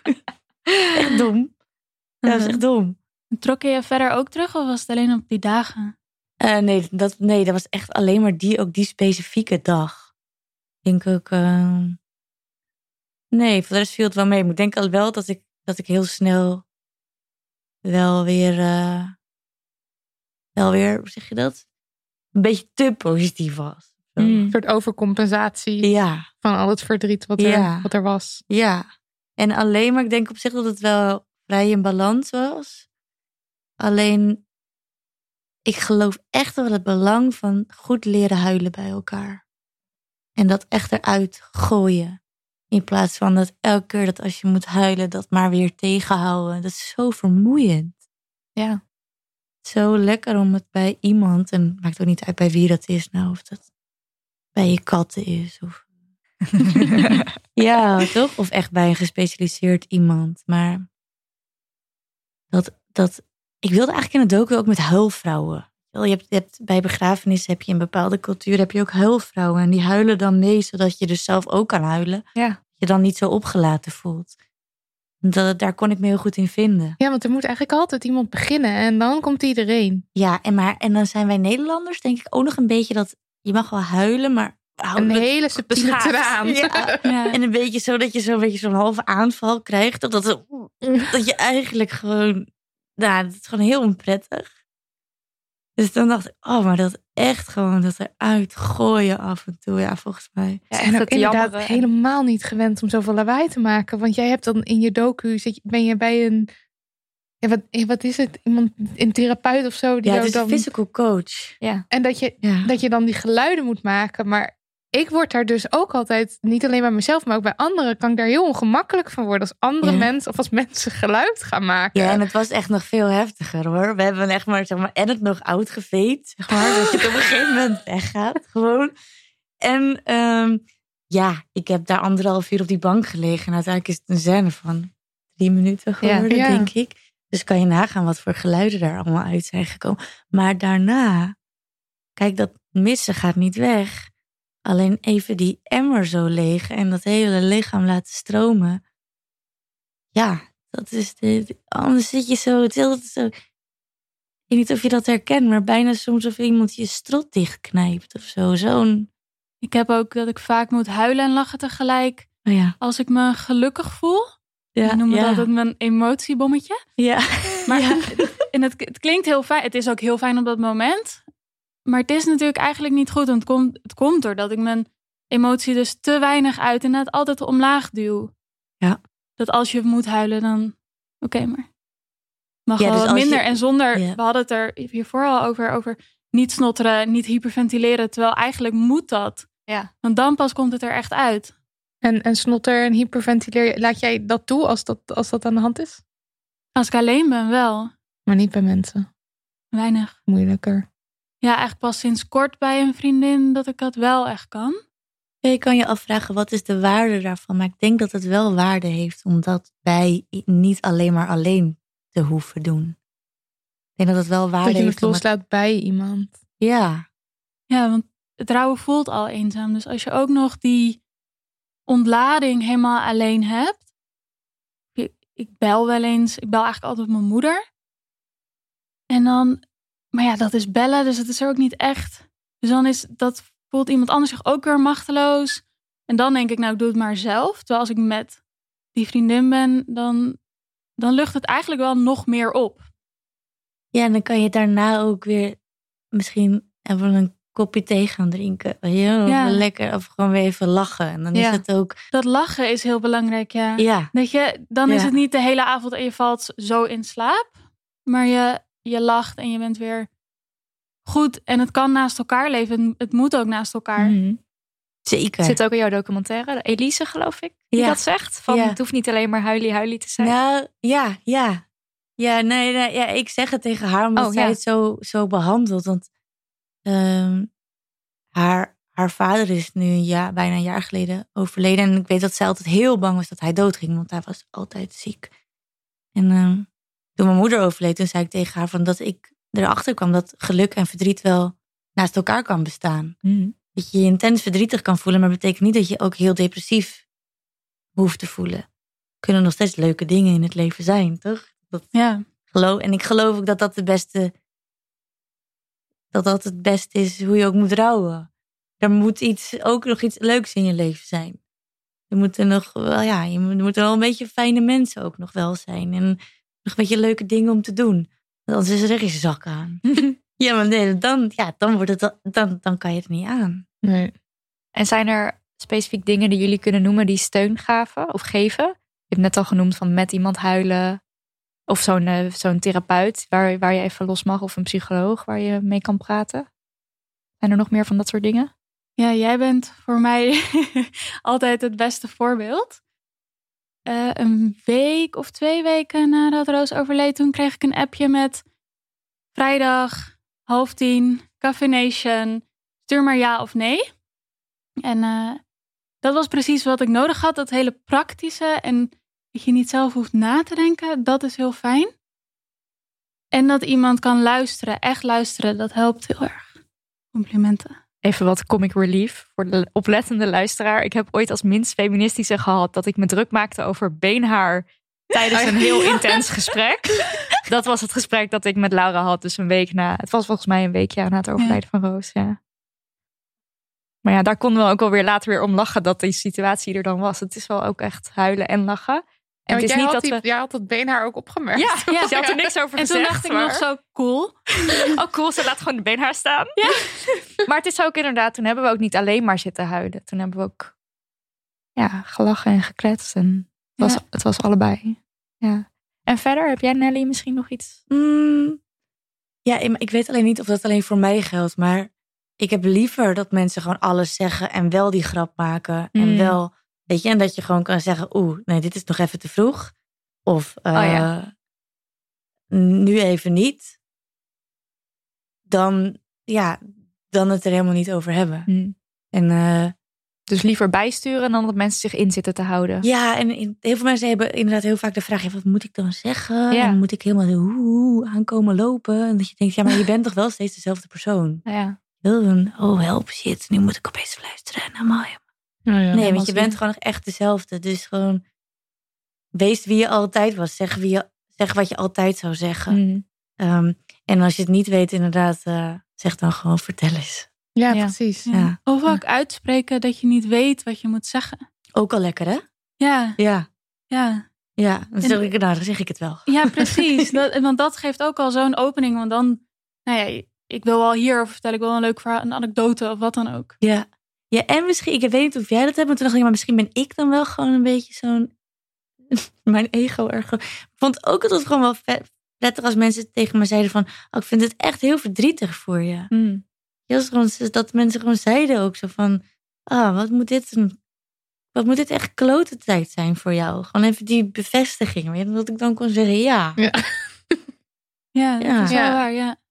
Nee, inderdaad. Ja, dit is ook echt gewoon even helemaal, helemaal niet Ja, dat leuk. het dus Nee. niet Ja. ook weer af wordt gedaan als Nee, en dan kan je zelf, dan kan je zelf ook. ehm, dan kan je zelf ook weer de keuze maken. Inderdaad, van ja, kloten, want dit en dit kan nu niet. Of dat mis ik heel erg. Of dat je zegt, nou ja, maar dat is ook wel iets heel leuk. Op werk heb ik wel gewoon Oh ja, 1000 ja. euro meer verdiend.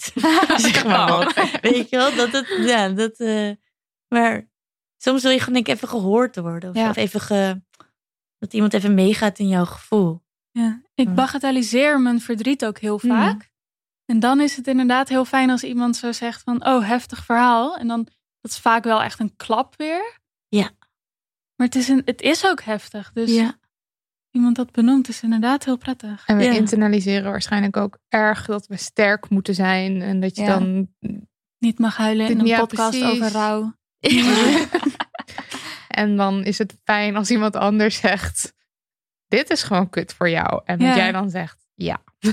Ja. Ja. Zijn er ook plekken die troost bieden? ja. Want ik weet, Laura, dat jij bijvoorbeeld naar de, begraven, de begraafplaats gaat. Dat je daar Ja, steun haalt. Ja, want je, ik heb zelf, ik, bijvoorbeeld vandaag, ik zou nu hierna, het regent nu, dus ik weet niet of ik hierna naar de begraafplaats ga, maar je wil vertellen daarover. Ehm, dus en dan ga ik daar inderdaad wel heen. Dat biedt echt wel troost. ja, dat was ook nog een vraag. Want praat je dan met haar? Ja, ja ik praat wel hardop, maar ik moet ook zeggen, ik voel me altijd een beetje ongemakkelijk. ik ben altijd Maar- om me heen aan het kijken, hoort niemand me? En dan ga je, daarvoor ga je naar de begraafplaats. Ja, Zodat je een plek hebt om hardop te kunnen praten. ja, En Ja. dat is iets wat jou helpt. ja. En als ik niet naar de begraafplaats ga, dan ga ik schrijven in mijn bed. En dat heeft hetzelfde effect. En dan Ik heb ook, ook echt echt- aan haar. Ja, ja, ik schrijf een soort dagboek eigenlijk aan haar. Dus alles wat ik niet meer echt kan vertellen, dat, dat staat daar. En dat beide helpt dan. Ik heb ook echt het gevoel dat het bij haar komt. Waar, of dat dan in mijn bed is of Ja. op de begraafplaats, maakt niet uit. Is dat herkenbaar voor jou? Mm. Ja, wel het schrijven, denk ik. Maar ik, ja, ik heb gewoon random momenten dat ik dan gewoon even zeker, dan denk ik gewoon, nou, of ik fantaseer het gewoon, maar dan denk ik gewoon, je bent gewoon even bij me en dan praat ik inderdaad ook hardop. Dan doe ik even zo mijn handen zo omhoog en dan probeer ik gewoon even, gewoon even te voelen. Dan, ja. Ja, gewoon dingen van, ah, ik weet dat je me gaat helpen vandaag. Of, eh, je hebt het wel gezien, hè? Nou, dat, dat soort, ja, dat soort dingetjes. Soms moet ik ook een beetje lachen daarom. Denk ik, Maar iemand zou zien. ja, ja, ja. Ja, ik vond het altijd heel prettig om bij mijn moeder op de borst te liggen. Maar gewoon, ik weet niet, het is gewoon echt een lekker plekje.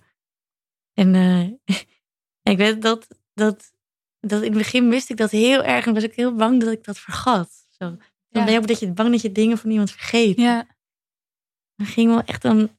Ik deed het gewoon zo. Dan stond ik in de keuken en dan zei mijn vriendje: Wat doe jij? En dan stond ik maar zo. Gewoon even het echt nou ja, te improviseren dat ik daar weer even zo lag. Ja. En ja, nou, dat kan je wel. dat kan wel toch nog steeds een warm gevoel geven. Gewoon denken, even, dat, even terug naar dat moment. Dan, ja, dat werkt wel, vind ik. Hoe denk jij over de dood? Ehm, heel, heel dubbel ook. Want enerzijds ehm, ken ik heel erg eh, bij Marilotte. Zeg maar dat bij elk pijntje of dingetje ga ik naar internet en denk ik gelijk dat ik een kankergezwel ergens aan heb hangen. Echt, ja. Dus dat dan, ja. En dan heb ik dan, dat is heel stom. En anderzijds, ehm, iets in me denkt dan, ja, maar misschien kom ik dan ooit weer op een hele mooie plek waar ik jou weer zie. Ja. En dan vind ik het weer niet zo eng. Ja. Jij? Ja, hetzelfde. Ik was als kind of als tiener heel bang voor de dood. Kon echt avonden huilen uit angst. Oh, dit herken ik ook, ja. Ja, ik dacht, het is een soort zwart gat waar je in terecht komt. En, En je bent daarbij. Had, had je dan ook dat je dan in de spiegel keek soms en dan gewoon er heel bewust van was dat je er ooit niet meer zou zijn? Ja, en ook dat je er vroeger niet was. Ja. I know. Breek me de bek niet open. even- eigenlijk- Even, hoe oud waren jullie toen? Ik, ik denk dat ik 15? echt mijn- ongeveer mijn hele... Van, van mijn achtste tot mijn, tot mijn achttiende of zo wel gehad hoor. Ja. Jeetje, wat bewust. Niet herkenbaar. Nou, mij. nee, ik ook Nee, niet. Nee. Nee. Echt intens doordrongen door, door het feit dat het leven eindig, Eindig is. is. Ja. Ja. Ja, Oh. dat is wel op een gegeven moment bij mij weggezakt. Bij jou dus ook? Ja. Ja, nou, Kan het nog wel hebben soms hoor, maar dat zijn momenten. Ja, Het is niet meer iets, iets vast ritueel of zo. ja, zaterdagavond. Nee, ja, en nu ben ik helemaal niet meer bang. En ik geloof inderdaad dat ik bij haar ook weer kom. En ik heb ook het idee dat ik inderdaad af en toe haar energie voel. Dus Mm. als ik daar he- heel rationeel... Ja, als ik daarover na ga denken, dan... Hoe, hoe kan... Dan zou de wereld heel vol zijn nu. Zouden er misschien heel veel mensen in deze ruimte zijn. Maar voor mij voelt het alsof alleen Roos er nu voor mij is. Ja. Zij, zij hebben het eigenlijk al voor jullie gedaan. Het voelt Ja. misschien wel minder eenzaam, kan ik me opeens Ja. voorstellen. En het, ik heb het gekke ook van, als zij het kan, dan kan ik dat ook. Ja, Oh, kan dat dit- kan ik ja. me ook goed voorstellen. Dat gevoel. Je hoeft die stap niet meer als eerste te zetten, want Ja. zij deed het al. Ja. Maar ik kan me dan voorstellen dat bij, dat bij een ouder anders voelt. Weer. Oh, ik heb er echt nog nooit zo over nagedacht. Waarvan jij deed het al. Die van jou deed het al. Ja. Ja. Ja. Want. Maar ja, inderdaad. Ik heb wel precies hetzelfde als nu nog nooit iemand zou gestorven zijn met wie ik het zo leuk vond. Ja, dan heb ik ook niet per se dat ik daar naartoe wil of zo. Nee. Toch? En Ja, nu denk nu heb je wel een reden of zo. Niet om erheen te gaan, maar wel om er niet bang voor te zijn misschien. Ja. Ja, wel- ja ik, ik heb er gewoon nooit zo over nagedacht. En, en, en vroeger eigenlijk al... Ik had juist altijd tegenovergesteld. Ik had eigenlijk altijd dat ik, dat ik als ik de keuze had gehad... dat ik dan liever niet was geboren. Dus ik had Daar kan ik echt helemaal niks mee. Nee. maar ik moet zeggen, ik denk dat het toch iets goed is. Nee, want ik was helemaal geen depressief kind of zo. Maar ik dacht altijd, ja, het leven, jeetje. Dan word je Doe. neergezet.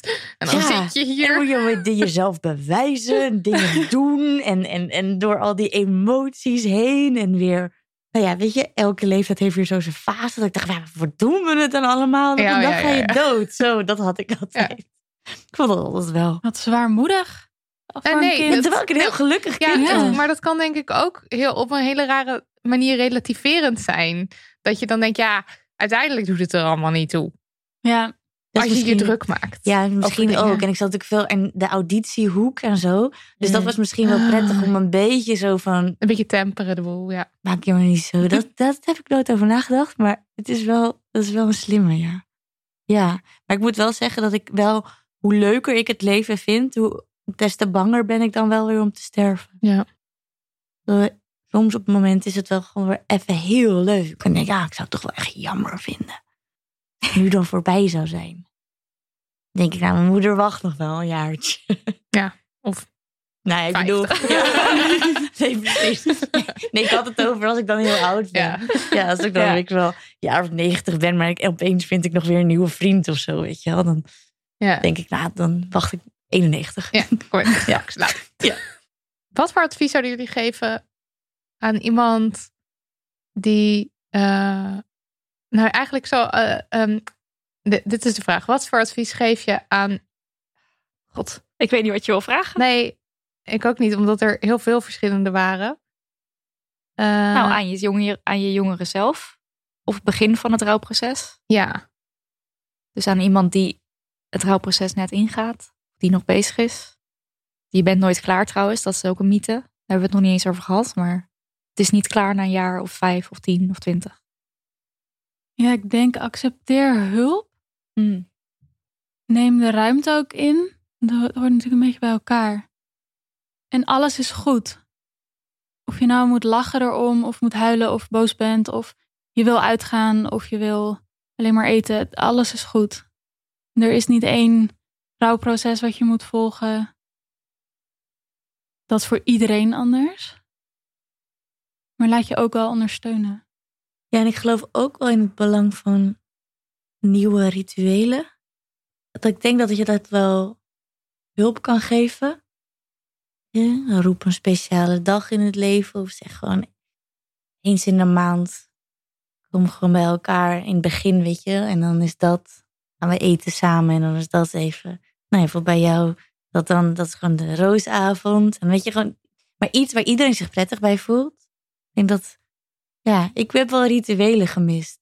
Ook wel überhaupt met de crematie en ehm, Ja, het hele sterven is natuurlijk dan een ritueel. En dan opeens is dat. ja, en ook ja, gewoon als je naar andere culturen kijkt of zo, dat ik denk, oh ja, ik heb dat, ik heb dat, ik heb dat wel gemist. En ook daarna wisten we allemaal niet wat we moesten doen. En ik denk dat die rituelen hadden wel een soort van houvast gegeven. Stel je voor dat in onze cultuur dat papa en mijn broer en ik wil dat we altijd iets zouden doen, naar het strand gaan. En elke dag, ik zeg maar wat, elke maand een, een klein stukje van mama zouden uitstrooien. Ik zeg maar wat. En dan zouden praten en chocomel zouden drinken. Ik zeg, weet ik Ja, maar ja, niet. ja. Maar iets of zo. Wat bij je past, wat bij jullie past. Ja, en dat je weer even kan praten met elkaar. En dat, dat, dat het ook niet na twee jaar is van, oeh, we gaan het er maar even niet over hebben. Of, eh, Hmm. Ik denk dat we die, want we werden echt wel overladen weer met berichten over dit, dit, dit sprak mensen aan, dit onderwerp. Overigens, dank voor al jullie verhalen. We kunnen het niet allemaal lezen, maar we waarderen het echt enorm. En ik denk dat een van de meest gestelde vragen is dan dus: hoe snij je het weer aan als je met, zeg maar, met de mensen met wie je dat rouwproces door bent gegaan? Bijvoorbeeld je oma is overleden, of bijvoorbeeld een ouder is overleden, eh, of in een vriendengroep. En hoe eh, snijd je dan weer aan van: oké, maar de, ik wil hierover praten, maar hoe doe je dat dan? En dan is denk ik een ritueel een heel goed ja. houvast. Ja, of echt. eh, wees maar lekker, doe maar even lekker wat jij wil. Stuur maar gewoon in die, in die groepsapp van ik heb nu wat bedacht. Eh, we gaan dit en doen. doen. Ja. ja, maar daar zijn mensen ook echt best wel heel lief in. Dat ik denk, nee, ik wil gewoon. Ja, soms is het ook, denk ik, ook goed om dat zelf te ondernemen. Want ik wil met jullie drietjes, wil ik dat. En ik vind jullie zo speciaal dat jullie, jullie mogen onderdeel maken van mijn rouwproces. Van mijn rouwkring. maar jullie, want jullie gaan het ook ooit meemaken. Ja, Nee, het is ook, ja. ja, nee, maar nee, ik zit een beetje te Dus grappen, ik neem jullie mee in mijn leerproces en dan leren jullie er ook nog wat van. Zoiets kan je ook nog. Ja. Nee, maar ik denk, ja, inderdaad, iets van een ritueel of, of gewoon zelf iets bedenken. Maar ja, ik merk dat we nu al heel lang niet over gepraat hebben en daar heb ik echt wel behoefte aan. Ik denk dat heel veel mensen daarvoor openstaan. En ik had bijvoorbeeld ook heel lang met mijn vader niet gepraat en uiteindelijk heeft het hem ook zo goed gedaan. Ja, het gesprek met je vader in de documentaire, dat is het allermooiste uit die hele Ja, docu. En, en ik heb het echt in mijn hoofd tien keer geannuleerd. Ja. Ik, dacht, ik dacht namelijk, ik ga zijn wond niet openrijten. Doe ik niet. Ja, dat is dus, dat is dus het interessante eraan, dat jij die gedachte ook had. Ja. Terwijl je weet van jezelf, van Ja. erover praten is fijn. En toch, is gewoon Ja. heel, het is moeilijk. Ja. ja, maar ik heb het ook bij Laura. Ik heb, als ik tegen Laura zeg, dan, dan wil ik vragen aan de ene kant, ehm, wat mis je nu het meest? Aan de andere kant weet ik ook dat het gaat haar ook verdrietig maken. Ja. Want dan gaat ze, maar het gaat ook weer denken aan die mooie dingen, wat wel weer fijn is. En ja, zij is zelf ook niet gek. Die dingen gaan in haar hoofd gaan ook de hele tijd. Ja, dat ze dat dingen zijn er toch Ja. wel. Ja. Dus dan, En die denk jij toch wel dat je die dingen mist. Weet je, dus een... Maar toch denk ik, ja, maar misschien wil ze daar helemaal... Begrijp je? Dus Ja, ja, ja, ja. misschien is het gewoon inderdaad... Doe het gewoon. En dan moet de ander ook gewoon de ballen hebben om op een liefde manier liefdevolle manier te zeggen van ik heb daar nu wel of geen behoefte aan. Ja. Ik krijg ook wel vaak de vraag als iemand iemand kent die rouwt, van wat moet Ja. ik nu sturen, wat moet ik doen? En mijn advies is eigenlijk altijd, alles wat je vanuit liefde doet is goed. En of dat nou alleen maar is, ik denk aan je, of een, een labtekst, of je stuurt een gedicht. Alles is goed als je het vanuit liefde doet. Dat voelt iemand. Ja, en ik, ik ben altijd helemaal niet attent. Vergeet altijd alles. Maar ja. gewoon-. Moest gelijk naar Marilotte kijken. Zo. Ja. Jojo. ik weet niks. Ben ik op de wereld, is dit Ja, de terwijl wereld. andere mensen, ik vind, voel me ook altijd zo schuldig, want andere mensen zijn altijd zo attent. Ja, denk ik, hoe heb je hier nou weer aan gedacht? Maar toen, dus ik heb nu wel bijvoorbeeld van mijn vriendinnetje, haar vader, heb ik de dagen dat hij jarig was en zijn sterfdag, heb ik in mijn agenda, In je agenda gezet. gezet, ja. Dat is Voor de elk tip. jaar? Ja. Dat is de tip. Dat is de ultieme tip ook van Ideaal Tijd. Meldingen aanzetten. Ja, maar dat voelt natuurlijk heel raar om, te, om zoiets in je agenda te zetten. Maar het is zo belangrijk voor de ander dat je Ja. het niet vergeet. En natuurlijk kan je het niet allemaal onthouden. Nee. Dus zet het in je agenda. Ja, En dat kan je ook doen met gewoon een soort maandelijkse reminder van even weer een berichtje sturen. ja. Ja, het ja, een soort van super simpel, helemaal voor de chaoten onder ons. Ja. en dan denk je, oh ja, weer eventjes vragen, ja. Ja, of, of inderdaad, is het een belletje of is het een, kaartje of eh, een ballon met mijn moeder haar hoofd erop. Ja, dat heb je ook gehad. Ja, dat ook heel goed verhaal. daarom, ja. Maar dan is het inderdaad, en dat hoeft niet altijd, maar het is soms denk ik prettig. En dat wil ik dus nu, denk ik, oh ja, kak, dat moet ik dus nu zelf ook doen. Ja. Ja, En nu kan je er niet meer onderuit. nee, Nee. nee. Nou, mensen, kijk sowieso de docu natuurlijk. Ik rouw van jou als je hem nog niet gezien hebt. En ik denk ook dat het goed is als we in de show notes nog eventjes wat verwijzingen doen naar podcasts over eh, rouw. En misschien ook nog wat boekentips. Kijk even naar Laura, die, Ja. heb, die heb jij wel, toch? Ja. Eh, zodat mensen nog verder ermee eh, Aan de slag kunnen. mee kunnen als ze dat Want ja, willen. zolang we het nog niet op school krijgen, moeten we onze Moeten zelf eigen rouwlessen maar vormgeven.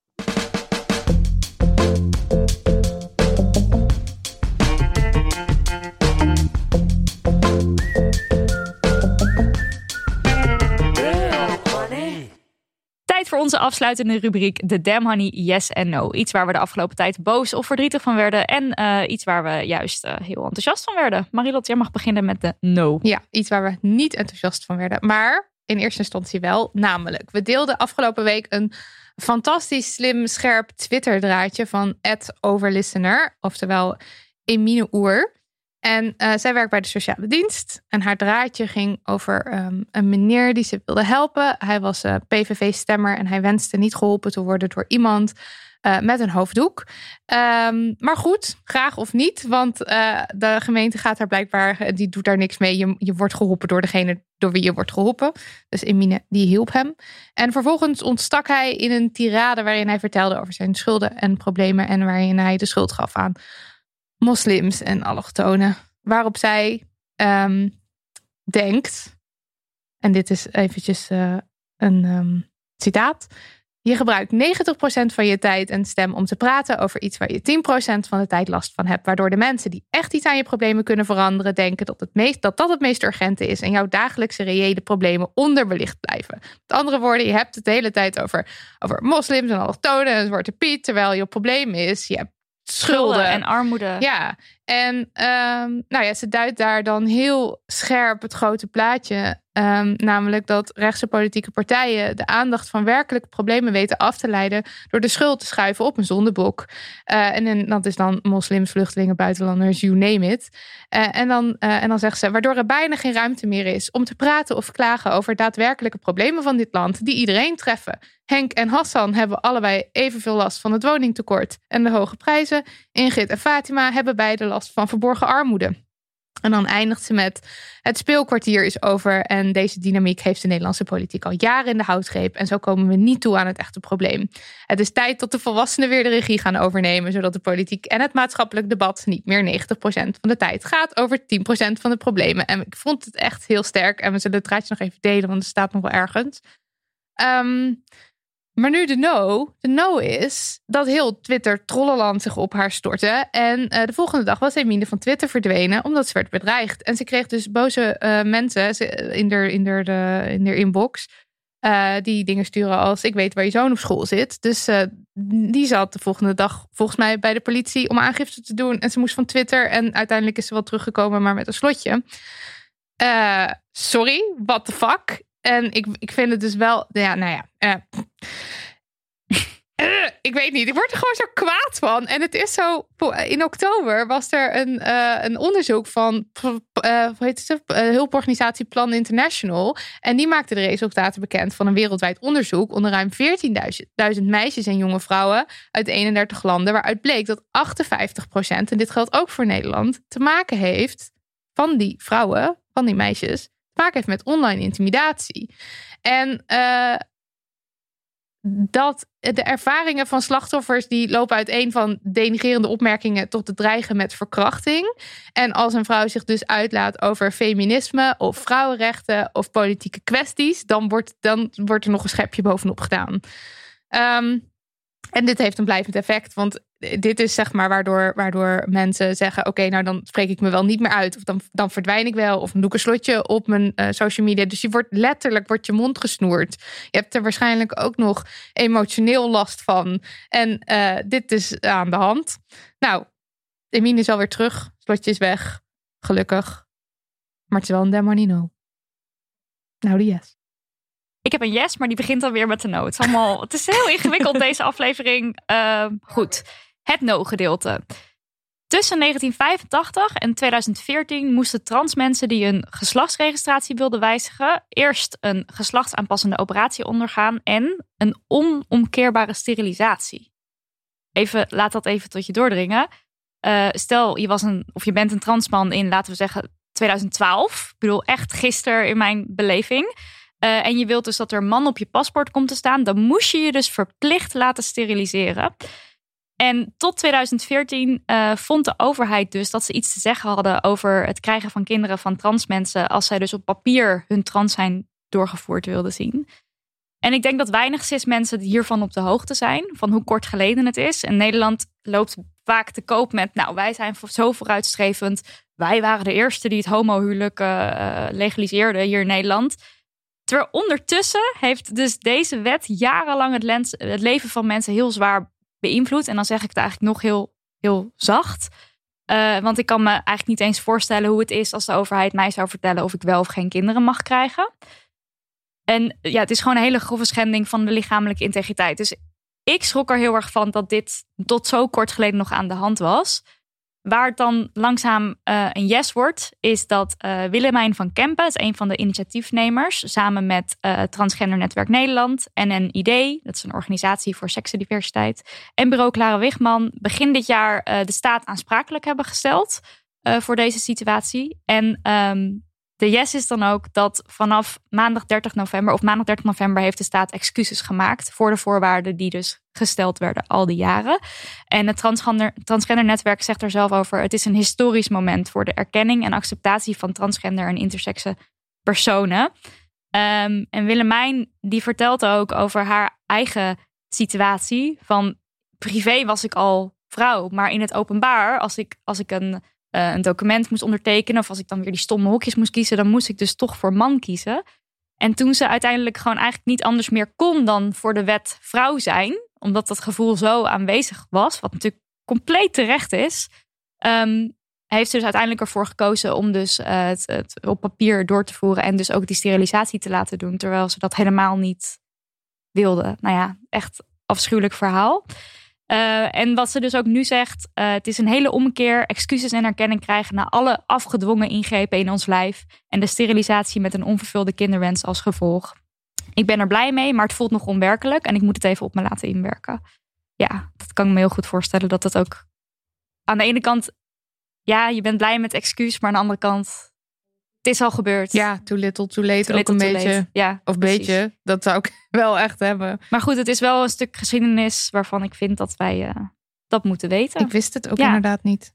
Dan ga ik nog iets luchtiger afsluiten. Ja. Met, een, uh, met een andere yes. Namelijk dat we morgen de aflevering verschijnt op 5 december. Dus op 6 december beginnen met de Donkere Dagen Damn Honey giveaway op onze Instagram story. Die duurt dagenlang. Ja, die duurt dagenlang. Namelijk van 6 december tot en met 24 december. En dan gaan we elke dag een boek weggeven. En we hebben echt een superleuke lijst. Eh, wit huiswerken, anticonceptiebijbel, sister outsider, waarom je niet zomaar moet stemmen op wat je ouders stemmen. Dit is een goed gidsje, ongetemd leven, mannenmacht, afrolid. Jij hebt ons niet ontdekt, we waren hier altijd al. Laat je horen, eindelijk weten wat seks is. Verheven Koninkrijk, Mama Man, het boek Vader en meer. En onze eigen boeken. Precies, Ja, meer. Meer. Ehm, Leuk. dus denk je, nou, ik heb wel zin om wat leuks te lezen eh, en kan je tips gebruiken, dan is het een heel goed idee om onze story te volgen, maar ook om dus wellicht een boek te winnen. Dus hou de Instagram story in de gaten vanaf 6 december. Yes. Dit was aflevering 56. Dank jullie wel, Nelly en Laura, dat jullie je verhalen wilden delen. En de documentaire van Nelly, Ik rouw van jou, kun je terugkijken op NPO. Dankjewel. Ook veel dank aan Daniel van de Poppen voor de editkunsten. Lucas de Gier, eh, niet alleen mijn oud-collega, maar dus nog steeds Laura's eh, gewaardeerde collega, namelijk de brander bij Coffee Company. Voor eh, je swingende jingles, Lucas, bedankt. En Lisbeth Smit, bedankt voor de parel van de website. En dank, lieve luisteraars, voor de intunings wederom. We werden massaal door jullie getagd in Spotify Wrapped Stories. En één iemand had afgelopen jaar meer dan 17.000 minuten naar ons geluisterd. Dat is omgerekend bijna uur per dag. Ja, echt ongekend. Naar deze schrille stem. Eh, Stuur ons vooral post op info.demoney.nl. Kleine noot, doe het niet in in onze DM, want je wordt ondergesneeuwd en we kunnen het niet allemaal bijhouden. Dus liever dan in onze mail. Ja, en eh, mocht je ons financieel willen sturen, steunen, dan kan dat op twee manieren. Er zijn nog een beperkt aantal exemplaren van onze kalender met onze tetten erop. Gefotografeerd door Tatjana Almouli. 25 euro. euro. Stuur even een mailtje met je adres naar info.damhoney.nl en dan eh, komen wij met de betaling en dan regelen we het even. Of als je denkt, ik mot die niet, dan kun je een aalmoes doneren via petje.af slash damhoney. Of niet. Bepaal het zelf. Dagboeken, basis. Dat klopt niet. Je moet zeggen, Zelf weten. zelf weten. Doei. Oké, doei. Doei. Love me, Dag. please. Dag. Dag. Dag.